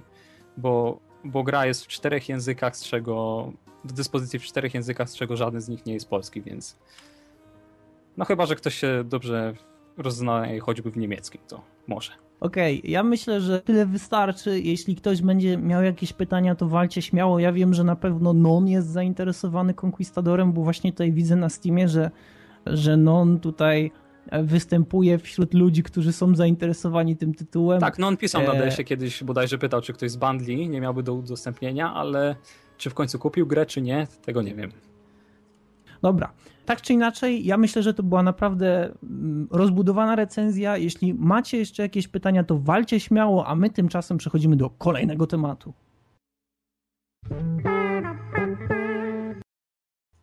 Okej, okay, tak więc przedostatni temat, czyli Dungeon Keeper i Keepero podobne, czyli lanie łez i krzyki rozpaczy. A dokładniej dlaczego? Duże i wielkie pytanie, dlaczego, o co nam chodzi? Otóż e, jeszcze kilka dni temu Cialny podrzucił mi linka i powiedział Odin sprawdź, dlatego że fajnie by było pogadać o grach e, prawilnych. Jak mi ktoś zwrócił uwagę w poprzednim podcaście, całkiem fajne słowo, tak więc pojawia się po raz kolejny prawilna gra, e, która dostarczyła wielu jej graczom dużo wspomnień, myślę, że całkiem pozytywnych, chociaż czasami też i frustracji, czyli Dungeon Keeper, a w szczególności Dungeon Keeper 2. E, teraz myślę, że możemy narzekać bardzo mocno na to, ile Dungeon Keeperów, e, bo myślę, że to już właściwie jest taki gatunek, tak? Że twórz swoją własną bazę, zarządzaj swoimi jednostkami, no to Dungeon Keeper, obojętnie jaka gra Dungeon Keeper. Tak więc e, Keepery to są naprawdę bardzo fajne gry i niestety z biegiem lat obserwuję tendencję, że pojawia się ich coraz mniej, mimo że są naprawdę bardzo, bardzo fajne i E, myślę, że Cialny tutaj będzie chciał wiele powiedzieć o tym, jak wyglądały jego przygody, przygody z Dungeon Keeperem, dlatego że zresztą pamiętam, że tutaj w redakcji rozrzucał swoją kopię Dungeon Keepera dwójki, za co mu mhm. serdecznie dziękuję. E, więc e, Cialny, skąd w ogóle pomysł na taki temat e, i skąd takie wspomnienia? Znaczy, skąd, skąd wspomnienia? Ja jeszcze pamiętam, że nie wiem dlaczego, ale pierwszy Dungeon Keeper to był jakiś taki tytuł, który po prostu tak mnie ogarnął. Bo ja jeszcze kiedyś, jak nie miałem swojego jakiegoś dobrego sprzęta, pamiętam, że używałem komputer mojej siostry. W starych czasach jeszcze miałem tego patcha, który z tych wszystkich y, pikseli w tym pierwszym Dungeon Keeperze, którego na pewno wszyscy pamiętają, robił te takie fajne efekty rozmazania. Potem wyszło na to, że mam to standardowo jako wadę wzroku, więc yy, noszę od trzech miesięcy okulary, więc teraz jest już fajnie. I no kurczę, no Dungeon Keeper, pierwsza taka gra i to była chyba pierwsza możliwa, jedyna gra, w której było można być złym. Znaczy, w której było się złym, tak? Tym złym, złym hersztem lochu, gdzie się rozbudowywało y, swoją całą armię. No, słuchajcie, miliardy godzin przegrane w jedynce i w dwójce i to tak naprawdę miliardy. A skąd się wziął ten temat właśnie? Ostatnio, y, szukając promocji na App Store, znalazłem coś takiego, że na chwilę zaparło mi dech, po prostu Jezus Maria, co się dzieje? Czy naprawdę moje dzieciństwo, piękne, piękne dzieciństwo usłane różami, lochami i tymi wszystkimi innymi duperelami z Dungeon Keepera ma zamiar teraz powrócić? Kurde, nie. A może i tak. Zobaczyłem na Dungeon Keeper. No dobra, jest Dungeon Keeper. Jedna rzecz od razu tak delikatnie może powiedzmy, że przeraziła mnie, tak? Bo tam widniało logo Electronic Arts. No dobrze, ale sobie pomyślę, fajnie wypuścili grę dzisiaj za darmo, więc sobie ją pobiorę, nie będę musiał płacić i będzie fajnie. O Jezus Maria, ludzie. Jest to gra y, tak naprawdę, która jest zrobiona free to play. Jeżeli y, pff, szczerze jest w ogóle coś takiego w tym tytule, bo free to play to to tak naprawdę nie jest. Słuchajcie, y, wysłałem w ogóle chłopakom cztery obrazki. Chciałem, żeby teraz sobie je mniej więcej zobaczyli. Ale w jakiej kolejności? W jakiej kolejności? No od początku, czyli od zdjęcia jeden. Dobrze, zdjęcie jeden zostało otwarte. Tak, gdzie jest już mój loch, widać wszystko fajnie ten, jest moje serce, mamy jakieś tam swoje pomieszczenia i jak zobaczycie w górnym prawym rogu, jak sobie przybliżycie albo dodacie na rozdzielczość standardową, jest taki chochlik mały, który ma tam taki czas. Widzicie? Tam 20 jest... godzin 37 minut. Tak, to jest czas na wykopanie. Uwaga, uwaga, wykopanie y, kamienia zwykłego, znaczy zwykłego, no to jest ten już najmocniejszy kamień, y, w którym na pewno są te zielone brylanty, które widnieją powyżej w pięknej ilości 547, tak? O co chodzi? Na początku mamy dwa chochliki i tylko dwa. I każde rozbicie y, standardowej ziemi, gleby, nazwijmy to, to jest około 3 sekund czasu. Nie można sobie y, zrobić jakiejś kolejki, że wykop mi całą dziurę czy coś. Nie, nie, nie. Wszystko klikasz po kolei. Jeżeli masz dwa chochliki, możesz kliknąć maksymalnie dwie rzeczy naraz, bo potem są Your imps are busy i musisz czekać na całą resztę zdarzeń. Y, dalej są jeszcze takie, powiedzmy, w pół kamienie z brylantami, których wykopanie trwa 4 godziny. Nie, no to w ogóle super pięknie, fajnie, zajebiście. Ale tych najmocniejszych no to musimy czekać sobie dokładnie 24 godziny, czyli jeden dzień. Czy to nie jest zajebiste? Wspaniale. No, wy teraz sobie myślicie pewnie, kurka, no to przydałby mi się kolejny chochlik, tak? E, no to bardzo fajnie. Kliknijcie sobie na zdjęcie trzecie, żebyście sobie zobaczyli, że jeden chochlik, kolejny, czyli trzeci w moim przypadku, kosztuje 800 tych magicznych diamentów. Widać, widać na pewno. Jest to kwota, no dobra, na 800 diamentów, ja mam 547. Co pewnie będę musiał zrobić, żeby mieć te 800 na tego trzeciego chochlika? Kliknijcie sobie w tym momencie na zdjęcie drugie, w którym zobaczycie, że 900 tych diamencików małych, fajnych, zielonych kosztuje całe 7 euro. Bez jednego eurocenta. Bez jednego eurocenta. Wiecie co, to, to już jest chamskie tak naprawdę. Bo okej, okay, zielone diamenciki służą do tego, A, żeby... I przepraszam, ile, Mhm. ile wykupują e, impy w takim jednym kwadraciku po tych 24 godzinach? Ile tam tych diamencików jest? Maksymalnie 7. Aha. Tak? O, o, ogólnie jest wypas, tak? I to jest chyba jedyny mom, motyw poza y, pewnymi, pewnymi akcjami, o których powiem wam za chwilę, w których możemy zdobywać diamenciki. Więc y, ogólnie best value za 14 tysięcy diamencików 90 euro. Nie, nie, my nie skaczemy na kasę. Wszystko jest w jak najlepszym porządku, tak? Y, słuchajcie, gra jest tak naprawdę cały czas online. Czyli y, czy chcesz, czy nie, musisz być cały czas połączony z internetem, żeby ci cokolwiek działało. Wszystko trwa niebagatelnie długi czas. A co jest jeszcze ciekawsze? Z tego powodu, że jest to gra online i mogą być tam y, zrobione walki player versus player, które, w której, znaczy inaczej, w żadnej jeszcze nie uczestniczyłem, ale już parę razy mnie obrabowano.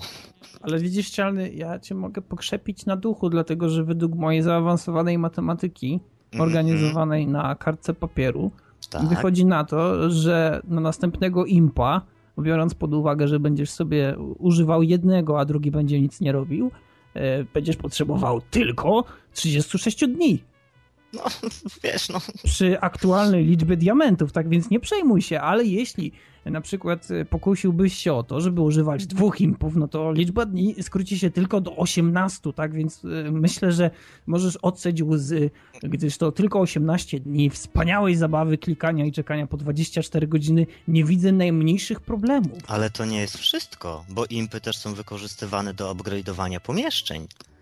I do czego też muszą być potrzebni, żeby zupgrade'ować pomieszczenie, żeby rozstawić pułapkę, żeby coś wykopać. Masakra. Jedyne co samo wchodzi to te cztery kopalnie, które widzicie, dwie kopalnie złota, dwie kopalnie kamieni, które z automatu można sobie na nie kliknąć, żeby przerzuciły to, co jest wykopane do skarbca, tak? Bądź spiżarni, czy jak to tam się nazywa yy, w tym tytule. Wracając do tych wszystkich walk, tak?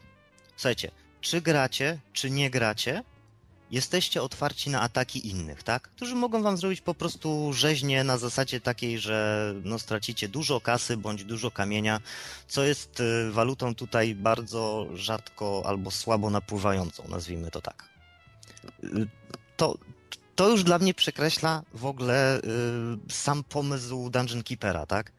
To miała być gra, w której jeżeli chcemy wyjść do ludzi, to wychodzimy do ludzi. Jeżeli chcemy się bunkrować i podziałać sobie samemu, działamy sobie samemu. Tak? Ja rozumiem, ok, chcieli pokazać coś z tego tytułu i są też tak zwane rajdy, tak jak tam widzicie, czyli jakieś to akcje, kampanie yy, w single playerze. Yy, Poziom trudności jest yy, powiedzmy oszałamiający po dziesiątym levelu. Naprawdę, ja tkwię w nim Postanowiłem już to prosty czy, czy wysoki? wysoki, bardzo wysoki. Od, od trzech dni próbuję go przejść y, z rezultatem 0%. Już upgrade'uję wszystko, co możliwe. A czy do rajdów również potrzebne są impy? Dzięki Bogu nie. Do tego, do tego potrzebne są zwykłe stwory, przy których oczywiście one kosztują kasę. Nie, nie kosztują aż tak dużo, ale z tego, co już sobie przeczytałem w informacjach na temat gry, yy, najszybsze wyprodukowanie zwykłego szkieletora, który jest tak naprawdę jak, jakości impa, nazwijmy to, to jest 15 sekund do yy, stwora Immortala, który spawnuje się, czyli jeżeli ci go zabiją, to musisz go robić od nowa. Jeżeli masz jakiegoś właśnie jakąś akcję, jakiegoś rajda i wystawisz go do walki, to nieważne czy on przeżyje, czy on zginie, musisz go potem po skończonym rajdzie zrobić od nowa. Ale przepraszam, to jest tak, ty mówisz immortal, tak? No, Nieważne czy przeżyje, czy zginie. niby immortal, tak? No właśnie. Znaczy ja jeszcze, do- ja jeszcze do niego nie doszedłem. Powiedzmy sobie szczerze, jest, ja, ja gram dopiero parę dni, tak? Już dużo w tym czasie zrobiłem, wiem, jestem przedsiębiorczy, ale powiem wam od razu, nie wydałem ani złotówki na te pieprzone diamenty i nie mam zamiaru ani złotówki y, dawać. Bo- wiesz co, Mhm. mogę? Z tym Proszę. Immortalem to mi się w tym momencie bardziej przypomina koncept Rogatego, jak miałeś w Dungeon Keeper 2, że ty mogłeś go tylko przyzwać na jakiś czas, nie? Ponieważ on nie ma więcej czasu dla ciebie. No, to może ch- chyba bardziej to o tak to będzie. może chodzić. Chyba to tak będzie nawet. Ogólnie zastanawia mnie w tym momencie taka jedna rzecz. Czy w czasie rajdu może, przeciw... może gracz inny pozabijać ci impy? Bo jeżeli Znaczy, tak, nie. to kogoś pogrzało. Nie, nie, nie. To jest tak, że akurat ani, ani impy, ani y, postacie, które masz y, w grze, ani twoje budynki nie mogą być zniszczone kompletnie. Jedyne, co ci mogą wyrwać, to jest kasa i, i I kamienie. klamka od drzwi. No, i kamienie. Więc y, ogólnie, no, pod tym względem je, jest naprawdę słabo. Szczególnie kiedy zbierałem na upgrade tego całego serca, który kosztował 50 tysięcy kamienia. Ja już wam nie będę mówił, przez co musiałem przejść, żeby powiększyć e, ten e, spiżarnię z kamieniami, żeby zrobić to. I teraz, żeby cokolwiek pójść dalej, musiałem mieć czwarty poziom serca. Ok, dobra, mam już od e, chyba czterech godzin ten czwarty poziom serca i cieszyłem się, że tak fajnie dzisiaj rano akurat powinienem mieć 50 tysięcy. Super, palę sobie papieroska, to, to akurat sobie wybuduję. Patrzę, mam 32 tysiące. Czemu? Napadły mnie cztery osoby. Uuu. Więc no, pod tym względem naprawdę nie. A dzisiaj, żeby było jeszcze śmiesznie w kolejnej przerwie na papierosa, spotkałem bardzo ciekawą rzecz. Nie mogłem się zalogować do gry, bo właśnie jestem atakowany. Ale wiesz co, to mi się w ogóle kojarzy z taką grą, w którą e, paru znajomych e, swego czasu moich bardzo nagminnie na, naginało na telefonach, na, iPhone, na iPhone'ach dokładnie, bo wtedy jeszcze na Androida nie było. Mhm. E, Clash of Clans. Nie wiem, czy słysza, słyszałeś o czymś takim. No, znaczy nie grałem, ale słyszałem o czymś takim. Tak, to tam właśnie numer polega na tym, że atakować można przeciwników tylko tych, którzy aktualnie nie mają odpalonej gry, co ciekawe. I mi się to kojarzy z tym konceptem. I wszyscy siedzą. Tak, ale wiesz, wiesz, że to tak wyglądało? Yy, Ten chłopaki w pracy po prostu mieli chwilę, ja tylko nagle słyszę z drugiego pomieszczenia babach, babach odgłosy Clash of Clans, nie? Takie, aha, dobrze. Zna, znaczy, znaczy się mogą jedną ręką klikać. Nie, Okej. Rano boskie, uzależniające gówno. Ale wiesz co, tak patrzę jeszcze na ten pierwszy screen, który nam tu podesłałeś. Mhm. Oświeć mnie, gdzie jest portal przyzwania? E, żeby było śmiesznie, nie ma czegoś takiego jak portal przyzwania. Jaki to jest Zobacz. Dungeon Keeper? No, To nie jest Dungeon Keeper. słuchaj, inaczej. Y, Budując poszczególne komnaty, masz możliwość wykupienia poszczególnych jednostek, które posłużą ci do akcji. Rozu- rozumiesz o co chodzi? Wszystko obraca się o kasę. No dzięki Bogu tutaj o kasę w grze, ale jak masz na przykład rycerza, który zajmuje ci 10 minut do stworzenia, a chciałbyś sobie akurat chwilę pograć, no to wykorzystujesz oczywiście zielone diamenciki do tego. Więc to, to, to jest porażka. Nikt sam z siebie do ciebie nie przyjdzie. Jedynie co, to możesz go odblokować w wersji takiej, że możesz go kupić na jakąś tam akcję. Jak nie ma portalu przyzwania, to dla mnie jeden z najważniejszych konceptów tej gry poszedł się walić na ryj tak naprawdę. Ale panie, to jest jeszcze nic. Wyobraź sobie, że te y, kopalnie, tak, złota i kamieni, to są też portale, przez które przeciwnicy mogą wchodzić podczas akcji, tak? Aha. No, dzięki Bogu one są ustawione statycznie i nie możemy ich przemieszczać, albo szkoda, że nie możemy ich przemieszczać też. Więc y, no, pod tym względem cholera, no, kolejny płacz i zgrzyt, tak? Ja chciałem tego zwykłego, prostego Dungeon Keepera. Jeżeli on by był zrobiony tak, jak jest teraz, powiedzmy, ale kosztowałby te 5 albo nawet 10 euro i zrezygnowaliby z mikropłatności i z tego, że jeden chochlik kosztuje powiedzmy 10 euro, tak? A przekopanie się. Jeden chochlik kosztuje 5,2 euro. O mój Boże. Pod warunkiem, że ta cena będzie się utrzymywać, wcale bym się nie zdziwił, jak każdy kolejny będzie kosztował więcej. Znaczy na pewno tak będzie. Ale wiesz co, ale ja uważam, że to jest świetny deal. Za jednego impa płacić około 22 zł. No, no ale. No właśnie. Więc y, kurczę, no zwykły Dungeon Keeper, tak? Ale to nie jest, ale to Ale nie jest ja jedyna gra, wiem. która tak robi. Dlatego, że jest mnóstwo gier na urządzenia przenośne, które właśnie wykonują coś takiego i to jest bardzo niecne. Chciałeś Candy powiedzieć Crush? Saga? Candy Crush Saga i wie, wielka, wielka fama w internecie na wyciąganie kasy? Widzisz, za chwilę możesz o tym powiedzieć. Natomiast ja chciałem e, tutaj zwrócić uwagę na to, że wśród tego całego płaczu i zgrzytania zębami, to my nadal mamy gry, które trzymają się całkiem nieźle i prezentują ten gatunek, który można powiedzieć już e, trochę przymiera. E, Mamy na przykład Evil Genius, którego już recenzowałem i zapraszam do odsłuchania. E, Można znaleźć sobie po wyszukiwarce. E, Świetna gra, naprawdę. E, Bardzo, bardzo polecam. E, Też tworzymy swoją własną bazę, ale złą bazę. Mamy swojego członka, takiego złego, Goldmember. Można to porównać mniej więcej humorystycznie do Austin Powers i Goldmember, dlatego że gra mniej więcej oscyluje w podobnych klimatach, tak więc no, jest naprawdę mnóstwo dobrej zabawy, ale mamy też nawet takie, które starają się chociaż troszeczkę zbliżyć do, do stylu e, Dungeon Keeper, na przykład Dungeons chociażby, e, czyli gra, w którą już miałem okazję grać, która doczekała się jednego dodatku, który ogólnie sama gra i ten dodatek może nie były najlepsze, ale e, to było coś, to było coś naprawdę nowego. Mimo że, mimo, że Dungeon Keeper to jest tak jakby taki ojciec, założyciel tego gatunku i właśnie tak jak, Mhm. Tak jak mówiłem na samym początku, kiedy mówimy o grach tego typu, to zwykle zaczynamy od nazwania jej po prostu Dungeon Keeperem.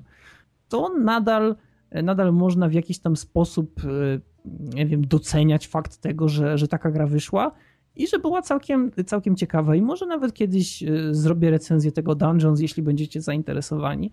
E, Ale wiem, że tycialny. E, Bo już e, myślę, że dzisiaj temat e, tych aplikacji smartfonowych dość mocno wyczerpaliśmy. Ty wynalazłeś jeszcze jedną grę, No która zaczęła właśnie. swoje życie na Kickstarterze. No właśnie, tytuł, który zaczął swoje życie na Kickstarterze, nazywa się to War of the Overworld, które jest tak naprawdę w pewnym sensie, i to, ja, ja to mówię z dużym cudzysłowiem i z dużą nadzieją, jest to kontynuacja Dungeon Keepera. Taka, taka prawdziwa kontynuacja Dungeon Keepera. Nie wiem, czy znaczy słyszeliście, no widzieliście pewnie te filmiki, które wam podrzuciłem, stronkę tak naprawdę. Szczerze, okej, o- cała oprawa graficzna została zmieniona, bo w pewnym sensie musiała być zmieniona, ale sam twórca Dungeon Keepera, słynny przez niektórych, uwielbiany przez niektórych, niecierpiany Peter Molyneux, który no, najbardziej znany jest chyba z serii Fable i tego, że jest bajkopisarzem i co widać po Dungeon Keeperach pierwszym, drugim, po wszystkich prawie Fable i też y, po tym Dungeon Keeperze, który jest tak naprawdę kasem Keeperem, y, że on miał obsesję na punkcie kurczaków. Bo tam wszędzie są te kurczaki. Nie wiem, czy w tym nowym będą, ale miejmy nadzieję, że będą, bo, bo to jest fajne. Okej, wracając do tematu, bo trochę zeszłem. Peter Molyneux sam y, przyłożył rękę do tego projektu, tak? Powiedział, że go błogosławi, że takie gry powinny robić osoby, które kochają te gry. Szczerze, tak dwuznacznie trochę ja, jako ja odebrałem ten, y, ten tekst, bo no co, znaczy, że mu zapał odpadł od tego, czy nie wiem, czy już pomyślał, że nie można nic więcej zrobić. Co wy o tym myślicie? Wiesz co, usłyszałam dywagację pana Molinie i mózg mi się zawiesił, bo ja ogólnie nie mogę słuchać tego człowieka. doceniam jego stare dzieła, głównie Dungeon Keepera właśnie, ale to, to co on mówi w mediach czy coś, ja, ja po prostu nie mogę próbować trawić takich informacji, bo to się źle dla mnie kończy. No ale dobrze, o, olej to, pomyśl o Dungeon Keeperze, pomyśl sobie, czy on, jako naprawdę człowiek, który robi piękne bajki, bo baj, bajki mu wychodzą, tak? Czy No. on nie miał pomysłu na trzeciego Dungeon Keepera, żeby pociągnąć tą trylogię dalej, mimo tego, że w drugiej części było jasno pokazane, że będzie trójka.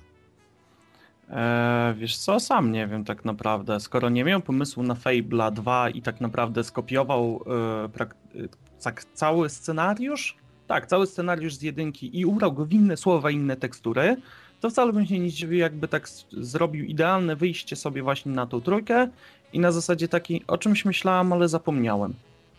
Ale I słuchaj, dlatego nawet, nie mieliśmy trójki.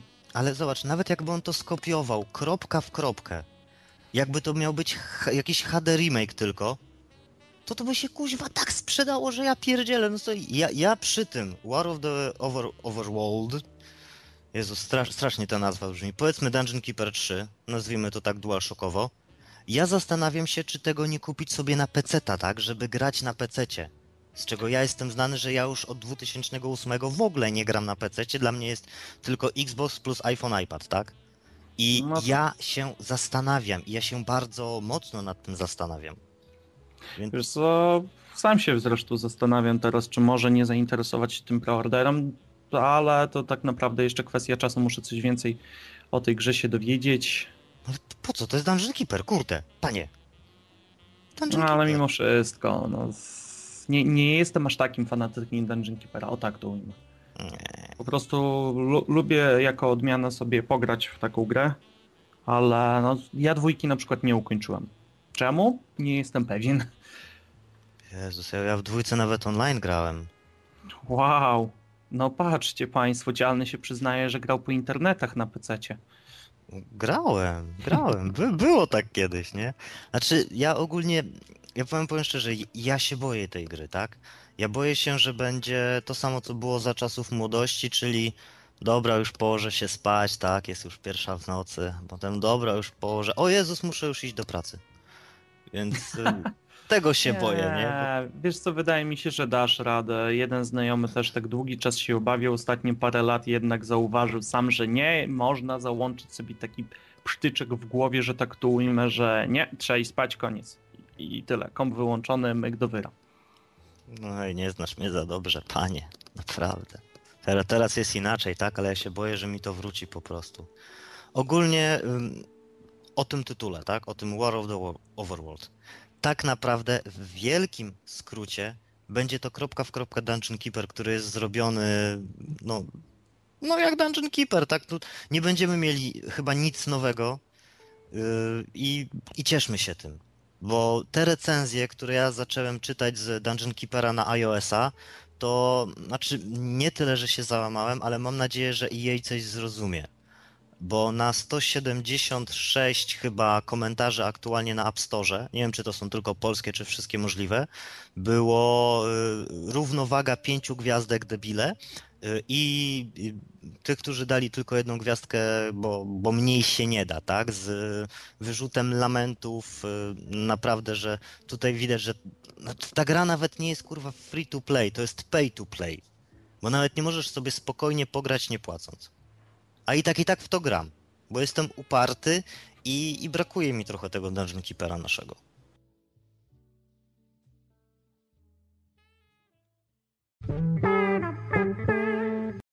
Okej, tak więc ostatni temat, czyli gry detektywistyczne, gatunek wymierający, czy też tląca iskierka nadziei. Niestety przyszły takie ciężkie czasy, że gier detektywistycznych jest coraz mniej, ale pojawiają się również takie malutkie, malutkie perełki, które jakoś tam lśnią na horyzoncie, e, bo mam nadzieję, e, wszystkich Was zainteresuje fakt, iż już za niedługo być może dowiemy się trochę więcej na temat gry Murdered Soul Suspect, czyli e, jakby to przetłumaczyć bezpośrednio na polski zamordowany podejrzana dusza, czy coś w tym stylu.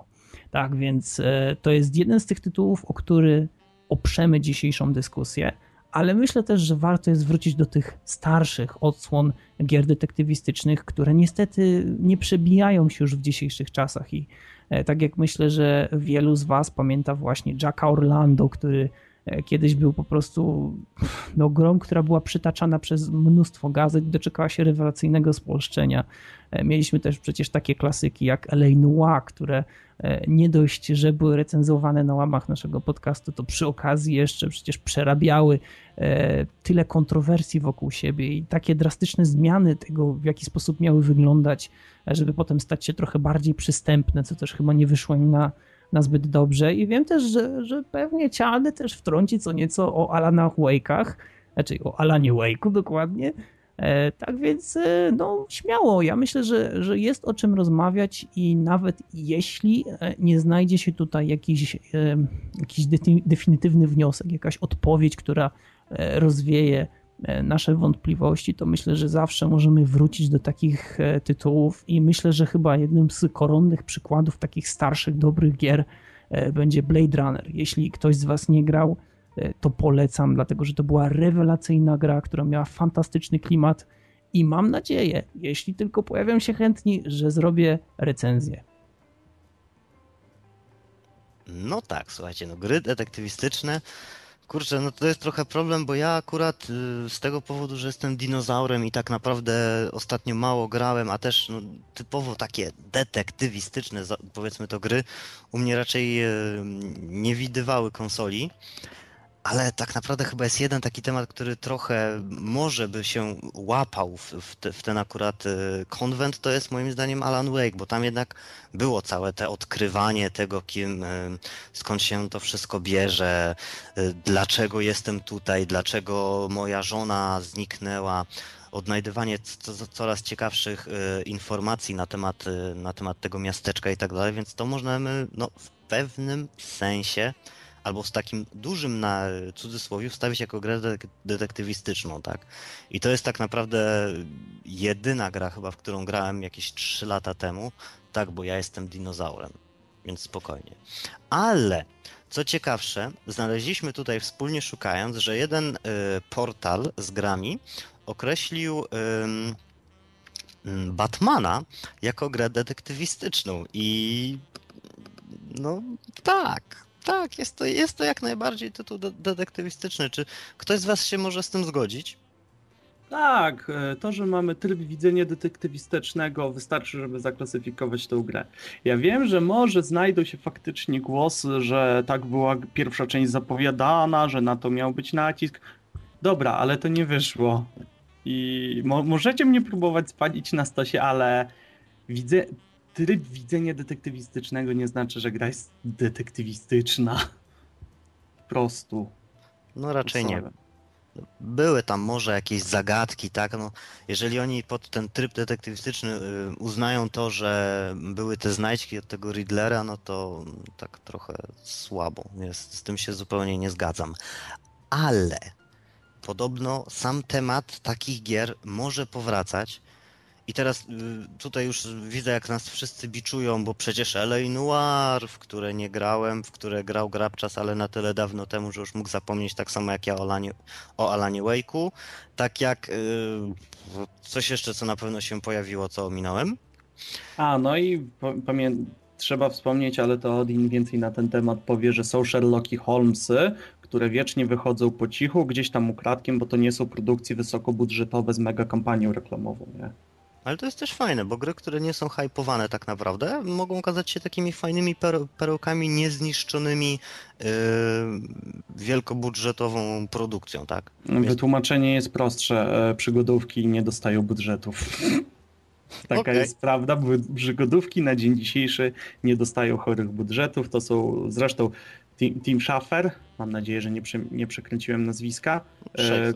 Schaefer, tak, który cokolwiek robi tylko przez Kickstartera jest tego najlepszym dowodem.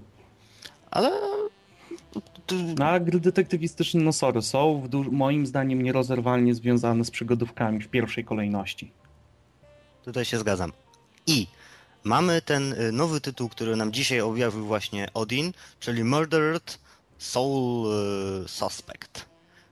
Y, tak, tak to ja, ja na przykład dzisiaj raz e, oglądałem to po raz pierwszy i ja, ja jestem w szoku, tak? Żeby wymyśleć coś na, na tyle ciekawego, fajnego i budzącego w pewnym sensie, nazwijmy to prawie strach, bo nie mamy czegoś takiego często w grach, że widzimy własną śmierć, tak jakby, przelotnie. Śmierć własnego bohatera może raczej, o tak. No dobrze, śmierć własnego bohatera. No tak, zobaczyć własną śmierć byłoby trudno, bo przecież my żyjemy. I, I potem prowadzić śledztwo na ten temat, tak? Więc to tutaj, tutaj po pierwsze wielki plus, ja tutaj robię e, hype faktora na, na ten tytuł, bo ja, ja to chyba muszę mieć. Czy wiesz co, mamy właśnie bardzo fajny koncept, mamy ukazanie bardzo e, no, nietypowych pomysłów na pierwszy rzut oka, gdzie właśnie jesteś tą duszą, śmigasz po tym e, miejscu zbrodni. Jest, jest tam cał, całkiem ciekawe wytłumaczenie, dlaczego na przykład dusza nie może przełazić przez wszystko, przez każdą materię, jaka znajdzie się po drodze, nie? Jest, jest to póki co jakoś skrzętnie zebrane do kupy, wyjaśnione i okej, to może się udać, tylko ja obawiam się, że właśnie, żeby to nie było jak przy Remember Me, nie? Tak jak było zapowiadane, nie wiem, te hakowanie, właśnie mieszanie wspomnieniami i tak dalej, a wyszła z tego siermierzna kupa kodu, nic ponadto. Znaczy, te właśnie możliwość przenikania przez prawie wszystkie materie, tak jak powiedziałeś, bardzo ciekawie jest zrobiona, tak? Bo według, ym, według twórców chodzi o to, że jeżeli masz jakieś pomieszczenie, które jest zamknięte, tak? Czyli jakieś wejście do budynku, to dopóki ktoś y, nie otworzy tych drzwi, ty nie możesz przez nie przejść. I- Znaczy, no no, Mhm. No czy no, no tak, tak to jest, tak? To, to, Nie, to, bo- No bo to No. jest wytłumaczone tym, że tak dla osób, które tego nie widziały, mam nadzieję, że Odin tu oczywiście w opisie zamieści e, e, link do nagrania, które nam pokazywał przed podcastem. E, Jest to tłumaczone tym, że w tej miejscowości, nie pamiętam nazwy, niestety, i od zawsze była, e, jak to mówili, wysoka działalność spirytualna, duchowa tak. mhm. i coś takiego. I po prostu e, dla, dlaczego nie można wejść do jakiegoś zamkniętego budynku, bo tak zrozumiałem, że jakieś egzorcyzmy czy mistyczne obrządki odprawiali, żeby właśnie dusze nie mogły sobie włazić, gdzie im się żywnie podoba i na, nawiedzać ludzi, nie? I dlatego to jest powiedziane, że do, jak są te ściany zewnętrzne budynków, to one są tak właśnie zaplombowane, że tak to i, me, i musi ktoś w świecie, ze świata żyjących zrobić tą wyrwę, nie? Akurat pokazane jest, że ten, że mamy otwieranie drzwi przez e, jednego tam z policjantów oglądających to miejsce zbrodni, ale zwróć uwagę Cian, że właśnie, e, bo osoba grająca, to był jeden z twórców gry, jak dobrze zrozumiałem, Mhm. sama zaznaczyła, że trzeba zrobić wyrwę, czyli równie dobrze ktoś tu może ścianę rozpiździć w drobny mak i ty już możesz tam wejść. No, ale to, to, jest, to, to, znaczy to, to jest bardzo, bardzo, ciekawy, bardzo ciekawy system, tak? Bo y, w tym momencie nie masz takiego typowego open worlda, tak? Nie, nie przejdziesz wszędzie, ale jak już jesteś w tym budynku, to y, no jesteś tym pełnoprawnym duchem, tak? Tą duszą nazwijmy to i możesz przenikać przez ściany. Ja od razu przy tym zauważyłem jedną rzecz, która trochę mnie może nie tyle zabolała, ale przeraziła i to tak całkiem bardzo. Ludzie, ja tam bez mapy żadnej się nie połapię. Wiesz co, a mi się wydaje, że się połapie, bo tak naprawdę nie spodziewam się po tej grze elementu open world. Sądzę, Znaczy- że to będzie gra do bólu liniowa. Tak, na pewno tak będzie. Zresztą tak naprawdę nie wiemy, jak bardzo rozbudowana będzie ta lokacja, z, z iloma budynkami tam będziemy mieli do czynienia. A jeśli autorzy chcieliby zrobić na tej zasadzie open world, to myślę, że fabularnie by to nie wyszło. Yy, Myślę, że gracz wtedy miałby mógłby za łatwo rozwiązywać pewne zagadki, gdyby miał dostęp wszędzie i to w takich warunkach bardzo ciężko byłoby zbudować jakąś historię trzymającą w napięciu. Nie, no tak, ale mi, mi chodzi o to, że jak już jesteś na, na tym piętrze tego budynku, załóżmy, to możesz e, biegać sobie między, między tymi pomieszczeniami, między pokojami tak jak chcesz, tak? I tak naprawdę nigdy nie będziesz wiedział, czy jeżeli nie pójdziesz pół metra w tą, czy jakiegoś innego pomieszczenia nie znajdziesz, które akurat w którym akurat będzie, nie wiem, na przykład jakaś znajdźka czy coś. Ja, ja lubię wiedzieć, gdzie jestem, tak? Ja zawsze jak w coś gram, a w większości jak w samochodówki grałem, ja co chwilę zerkałem na mapę, tak? Ja miałem cały czas zasięgu wzroku, żeby zawsze wiedzieć, gdzie ja jestem, nie? I, i właśnie pod tym względem, tak samo jak e, są, były gry typu Alan Wake czy tak dalej, tam też w pewnym sensie była mapka. Okej, zostało to zastąpione strzałkami tutaj, że strzałki ci pokazują mniej więcej, gdzie masz iść, ale nie wiem, mi jakoś ta mapa, żebyś miał chociaż obrys tego, jak są porozkładane pomieszczenia, żebyś wiedział, do, do jakiego pomieszczenia wejść, by to trochę ułatwiło sprawę. I, I teraz sobie właśnie chyba odpowiedziałem tym, że specjalnie tego nie zrobili, żeby nie było za łatwo. No wiesz, to jest właśnie w ten sposób e, wymuszenie tego, że jak chcesz eksplorować, no to próbuj i eksploruj, nie? A nie, no ma, masz karteczkę i wiesz co gdzie jest. No to właśnie nie, nie na tym polega ta, ten element moim zdaniem. Właśnie teraz tak a propos innych gier detektywistycznych, to w sumie jest jeszcze Heavy Rain, ale w, a w niego grałem hmm, max godzinę ze wszystkimi cutscenkami. I To długa gra. no, Heavy Rain ogólnie jest długą grą, ale ja na pewno się w niego nagrałem tyle, że tak, zrobię wam rzetelną recenzję, a tak już poważnie. To akurat będzie musiał mi ktoś podpowiedzieć, pewnie Odin to wie. Właśnie nie pamiętam, czy tam też nie było tak rozwiązanie, że, mia- że nie miałeś właśnie tego otwartego świata, nie?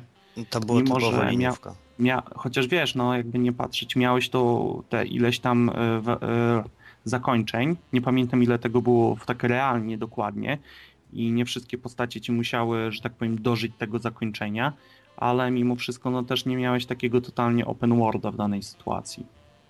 Mhm, znaczy Rain chyba był ogólnie tak naprawdę taką y, typową y, liniówką, tak? Czyli zestawienie cutscenek z paroma miejscami, gdzie mogłeś się przejść, ale to... Nie, aż, aż tak prosto nie było, słuchaj. Mia- miałeś tego trochę więcej i tam, nie, mówię, nie znam dokładnie detali, ale to też, że tak powiem, szybkość reakcji yy, i to szybkość w jak... E, ale źle to ująłem. Tempo, w jakim prowadziłeś rozgrywkę, na niektóre wydarzenia miało odbicie, nie? Mhm. ale już bez, bez dokładnych y, przykładów niestety z mojej strony. Wiem, że Odin przeszedł grę przynajmniej raz, jeżeli nie więcej, on na pewno będzie w stanie to uzupełnić.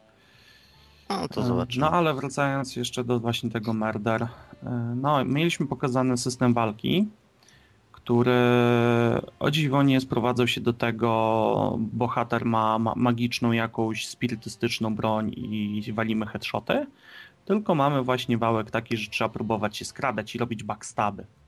No to znaczy to, to, to, to jest akurat bardzo mm, ciekawie zrobione, tak? Bo nie ma czegoś takiego, że jesteś hardkorowym koksem i na wszystko możesz wyjść, tak? Tylko, że jeżeli masz jakiegoś przeciwnika, to przed nim uciekasz, tak?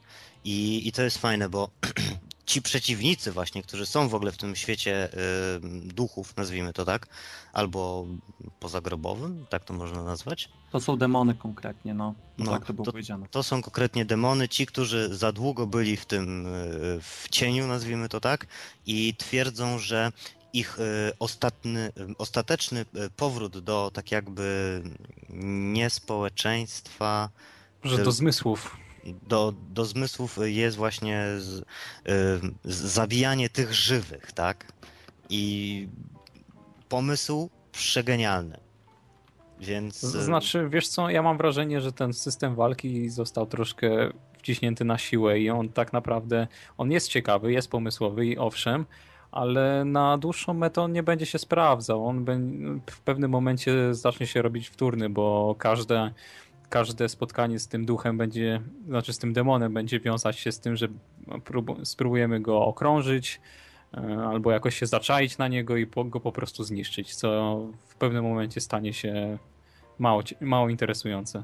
Ale wiesz co, właśnie to, to co to zaczęło się raczej ja nawet tutaj pociągnę te wątpliwości w tym kierunku, że ten system może być właśnie taki, że te pierwsze demony będą po prostu durne, a następne będą na tyle trudne, że gracze liczące bardziej na właśnie takie przygodo przygodowe rozwiązywanie zagadek czy coś mogą się odstraszyć, albo w drugą stronę to będzie przerywnik z cyklu okrąż przeciwnika przez cztery ściany, bo zasięg widzenia z tego, co można było zaobserwować w demie, był równie popaprany jak w demie, nie, to bodajże był Splinter Cell Blacklist, co było wielkie nabijanie się z tego, jak wyglądał y, ten, jak wyglądała wizja przeciwników, nie? I tutaj tak, sam, tutaj tak samo widać, że póki co, przynajmniej w tej wersji pokazanej, te demony są ślepe.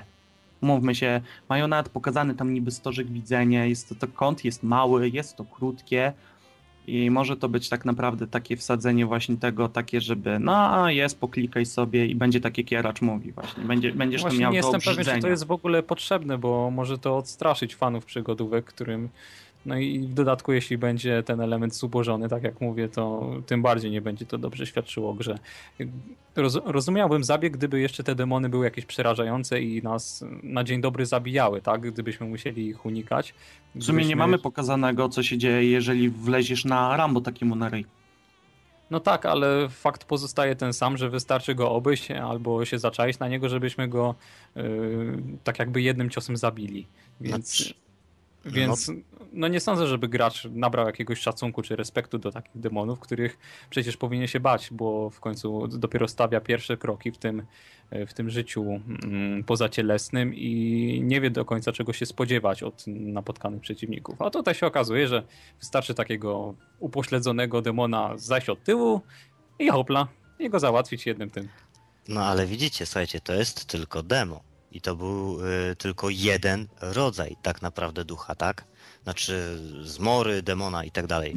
Więc słuchajcie, y, czym pójdziemy no dalej? Oczywiście, Cialny, wiesz, nie wiadomo Może. do końca jak no. autorzy wykorzystają ten pomysł, tak? Czy go dalej rozwiną, czy zostaną z tym, co jest obecnie, ale my się opieramy na tym, co, co nam dostarczono, tak? I widzimy po prostu te potencjalne pole do elementu gry z cyklu zapcha i dziura zajmujące dużo czasu, powodujące wymioty u potencjalnych nabywców. Znaczy, słuchajcie, ale wyobrażacie sobie y, tytuł, który będzie powiedzmy mniej więcej 6 do trochę więcej, jeżeli jesteś mało kumaty, yy, godzin, y, w którym masz tylko jednego przeciwnika? Bo znaczy mi się wydaje, że nie, że to będzie rozbudowane, że będą jakieś zupełnie inne zmory, że, że będzie problem naprawdę, żeby się tego pozbyć.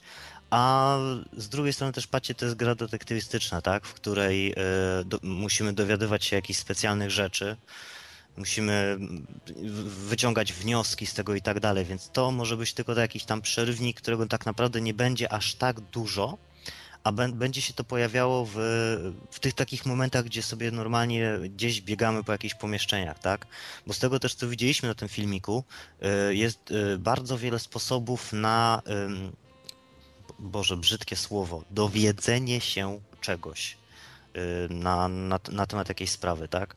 Mogliśmy zobaczyć, y, co się działo na przykład z danym przedmiotem, mogliśmy tak jakby mm, nie przejąć kontrolę nad pewną żyjącą istotą, ale y, wejść w jej głowę, tak, nazwijmy to tak, wyczytać jej myśli albo razem z nią się przemieszczać, jeżeli ona się przemieszcza. Mieliśmy też e, możliwość e, sprawdzenia, no, sprawdzenia całego otoczenia, tak? czyli poza zwykłymi przedmiotami e, mogliśmy sobie zrobić jakąś retrospekcję, tak? zobaczyć Jezus, jak to, to się jakoś tak fajnie nazywało, cień danej osoby chyba że y, zauważyć, y, gdzie ona była w danym momencie i na podstawie tego. A, e, ślady wspomnień, czy jakoś o. tak, tak, tak. O Jezu, też zapomniałem, jak to dokładnie było nazwane, już y, wiem, o który moment ci chodzi. Mhm. E, no, że są, czekaj, jak to było, memory trace, o, to było po angielsku nazwane jako memory trace Mhm. I miałeś właśnie ten, ten ślad wspomnień, ślad tego, że właśnie coś, coś ważnego było, jakaś osoba się tym znajdowała. No to też fajnie było wykonane tak w ten sposób. Chociaż nie wiem, czy za mocno to się też samo nie układało. Czy, czy gra nie będzie za prosta? Się tego chyba obawiam tak najbardziej. Tak, ja tutaj mam wątpliwości, bo z tego co widzieliśmy na trailerze, to przy zadaniu pobocznym, przy którym mieliśmy odnaleźć ciało, ducha, którego napotkaliśmy. Wystarczyło, że weszliśmy do głowy starszej pary i już poznaliśmy odpowiedź. To było niezbyt wymagające, nie, niezbyt, niezbyt pomysłowe. E, tak samo jeśli chodzi, tak samo nie jestem do końca pewien, czy autorzy wykorzystają pełnię potencjału z podsuwaniem wskazówek, z dochodzeniem do śladu, bo na przykład też, też to było moim zdaniem słabo pokazane, kiedy musieliśmy opisać stan, w jakim się znajdowała dziewczyna, tak, która widziała, widziała nasze morderstwo. No, ma, masz, masz ten zlepek słów i trzy czwarte jest po prostu skąnie takie od czapy totalnie. No tak, no bo przecież wiadomo, że jest przestraszona, nie że jest hipopotamem na przykład. Ale no, słuchajcie, no, cokolwiek. typowy glina tak działa. On musi to zapisać i dlatego to jest tak zrobione. A jeżeli chodzi o tą misję poboczną z tym od, odnalezieniem ciała, yy, może wyglądało to słabo, tak? Ale słuchajcie, spójrzcie na to inaczej.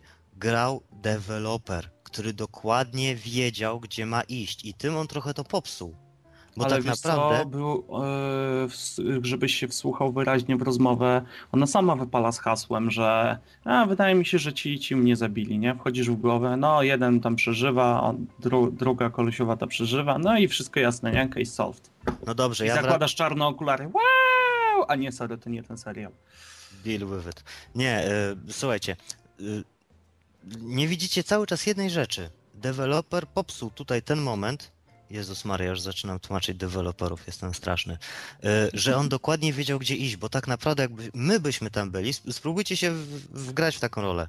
Byśmy musieli przebiec całe piętro, żeby ich znaleźć. Ona Ale powiedziała, że jej się wydaje, że to był. dwa apartamenty na piętro, patrząc po metrażu. No co ty? Musi A? być. No? Nie, ten domek nie był taki długi. No ale będzie dłuższy. Tak, wieżowiec na Manhattanie, 150 piętro, zapieprzaj z buta schodami. No ale, ale słuchajcie, no, ja, ja, ja, tutaj, ja tutaj nie chcę jakoś swoich racji, tak, tutaj wbijać, nie, że ja tutaj tak powiedziałem, ja mam rację, tak, ale no, będzie dużo takich misji pobocznych, w których naprawdę będzie, y, moim zdaniem, y, dużo ciekawych rzeczy do odnalezienia, Boże, pomóżcie mi ze słowem, dowiedzenia się, W znalezieniu odkrycia. informacji. odkrycia, o! Proszę bardzo. Pięknie. Odkrycia. I wiecie, słuchajcie, pierwsza misja, znaczy, znaczy pierwsza misja i demo i tak dalej, to co zostało pokazane, to zawsze są takie y, małe rzeczy, tak? To ma być na początku proste. Też. Bo jeżeli, no, z, z początku, jeżeli byście mieli y, tytuł, który od razu was rzuca na głęboką wodę, to no, tak, no, wiecie o co chodzi, nie? Od razu, od razu każdy od tego tak, hmm, no może to taki trochę Dark Souls jest. To, to może, Jednak nie uniknął, nie No. uniknął porównania. to może jednak nie. Ale w tym tutaj, ja nie wiem, jeżeli ty mówisz, że tam jest mały metraż na, y, na tamte pomieszczenie, to ok, ale ja z tego, y, z tego co było widać, to było tam parę pomieszczeń i trzeba, trzeba by było trochę pobiegać, tak? Wiesz, no, Ale, ale nie demonizujmy, to było raptem parę mieszkań, to wiesz, sprawdzenie tego wszystkiego, tym bardziej wziąwszy pod uwagę, że możemy przechodzić przez, przez ściany, to by zajęło nie więcej niż minutę, co najwyżej. Więc nie jest to jakieś ogromne wyzwanie. Ale zgadzam się z tobą, y, dlatego ja nie zajmuję jednostronnego stanowiska, że, a, że ta gra będzie chujowa po prostu. Nie, tylko po prostu, mm, po prostu targają nam wątpliwości, czy deweloper y, przy takich fajnych, ciekawych pomysłach będzie w stanie do końca wykorzystać ich potencjał tak naprawdę. No słuchajcie, no miejmy, miejmy nadzieję, że tak będzie, bo no, tu zapowiada się fajnie. No po 30-minutowym filmiku ja po prostu mi mózg szaleje, tak? Ja, Wiesz, no wiesz, ja się nie mogę wychodzi- doczekać. No to nie możesz się doczekać, u mnie i u Jeracza po prostu wychodzi tradycyjny sceptycyzm, takie, no to jest potencjalnie co zjebać, aby tego nie zjebali. To się Tak, chyba tak. Jaracz ze mną zgodzisz. Dobrze, tak, no, miej nadzieję na najlepsze, ale przygotuj się na najgorsze. no, Tak, i, żebyś się zaskoczył co najwyżej miły i chyba tym akcentem możemy skończyć e, opis nasz ma- murder. Murdered. Murdered. Dobra. I tak przywalał się, ktoś się pewnie przyczepił akcent. Okej, to jeszcze na samo zakończenie, jak zapewne zauważyliście, dzisiaj mieliśmy trochę pocięty podcast e, i myślę, że nie potrafiłbym jednak odejść e, w tym temacie e, bez wspomnienia o właśnie tytule Blade Runner, dlatego że w grach detektywistycznych to jest e, jeden z takich mm, ewenementów, z którym ja się spotkałem. To jest gra, która bardzo mocno opiera się na fabule. Jak można oczywiście podejrzewać, jesteśmy tutaj przydelegowani i odpowiedzialni za wykrywanie androidów wśród ludzi, co też w tej grze wygląda naprawdę bardzo ciekawie, dlatego że czasami jesteśmy rzuceni trochę mm, na głębokie wody i poruszając się niemalże przypadkowo, całkowicie ze zasłoniętymi oczami, musimy wyłapać tak jakby jakieś wskazówki, e, gdzie taki przykładowy Android mógłby się znaleźć, ale to wszystko też nie jest na tyle proste, bo nagle okazuje się, że ktoś, kto przed nami ucieka, niekoniecznie musi być Androidem, tylko może być kimś, kto ma na sumieniu coś zupełnie innego. Tak więc e, ostatecznie e, gra rozwija się w bardzo interesujący sposób, prezentuje nam naprawdę bardzo fajne, głębokie wątki i jednocześnie jest typową przygodówką. Nie ma tam sekcji, w których musimy strzelać, nie ma tam sekcji, w których musimy wykonać coś teraz, już, natychmiast.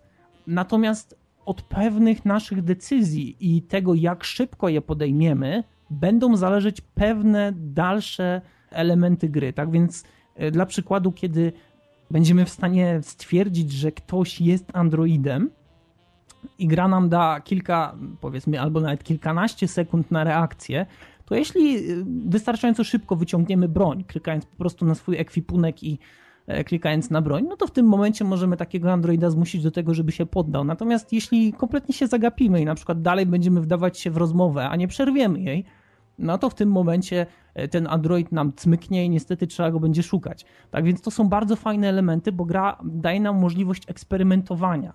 Jest bardzo otwarta właśnie na to, w jaki sposób będziemy podchodzić do, do niektórych sytuacji. I też cholernie fajne jest to, że mamy po prostu miejsca zbrodni, które trzeba zbadać. Więc jeśli ktoś nigdy nie grał w Blade Runnera, wiem, że bardzo ciężko jest kupić Blade Runnera w Polsce, szczególnie w jakichkolwiek sklepach. Czasami można trafić na edycję EA Classics na Allegro, gdzie Blade Runner występuje bodajże w sześciu płytach CD. E, niestety, no tak to wygląda. Natomiast gra na pewno jest warta sprawdzenia wśród wszystkich fanów przygodówek i wszystkich fanów gier detektywistycznych. Naprawdę ze szczerego serca polecam klimat. E, jak można też podejrzewać, typowo cyberpunkowy, typowo wzięty niemalże pełną garścią z Blade Runnera E, ujęcia filmowego, tak więc świetna gra. Wszystkie dialogi są mówione oczywiście w języku angielskim, niestety, ale myślę, że jeśli ktoś jest zdeterminowany, to można to przeskoczyć. Być może nawet powstało jakieś spolszczenie, e, ale tego nie jestem, nie jestem już pewien. No i co? Ja myślę, że e, tyle wystarczy. Jeszcze raz Was przepraszam za to, że niestety ten temat wygląda w ten sposób, że jest deczko pocięty. E, no ale cóż, nie byliśmy w stanie tego zrealizować w taki sposób, w jaki chcieliśmy. Ja musiałem zniknąć na chwilę z tego tematu, teraz Cialny i, i Grabczas musieli zniknąć. Na szczęście został ze mną Jaracz, ale wszyscy za chwilę spotkamy się już w zakończeniu. E, no i co? No i to tyle. Tak więc e, do zakończenia. Tam już będę mówił po cichu, bo niestety wszyscy śpią.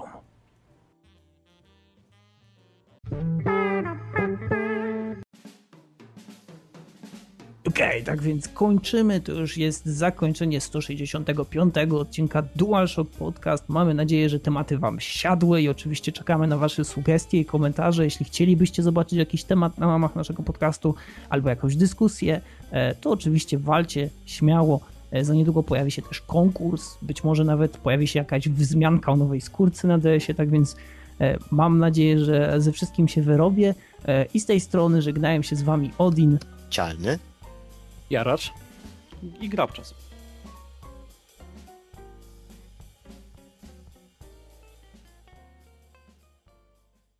Już? Będziesz grubo od tego. Bata, wszystko... Jak się umawialiśmy, że będziesz miała lepszą dietę, tak? I wpierdolę i robisz sobie już którąś górkę śmietany. I zżerasz tylko tą śmietanę i potem znowu będziesz pytać, czy możesz sobie jeszcze do, dorzucić śmietany. Oj, wy chyba musicie do mnie na trening przyjechać. Obliczalny mówi, że musisz do niego na trening przyjechać. Nie, ja nie powiedziałem, że do mnie, tylko że do nas. Obliczalny mówi, żebyś się przestała śmiać głupio. Ja nic takiego nie mówiłem, ej. Powiedział, że zaraz tam podejdzie. No,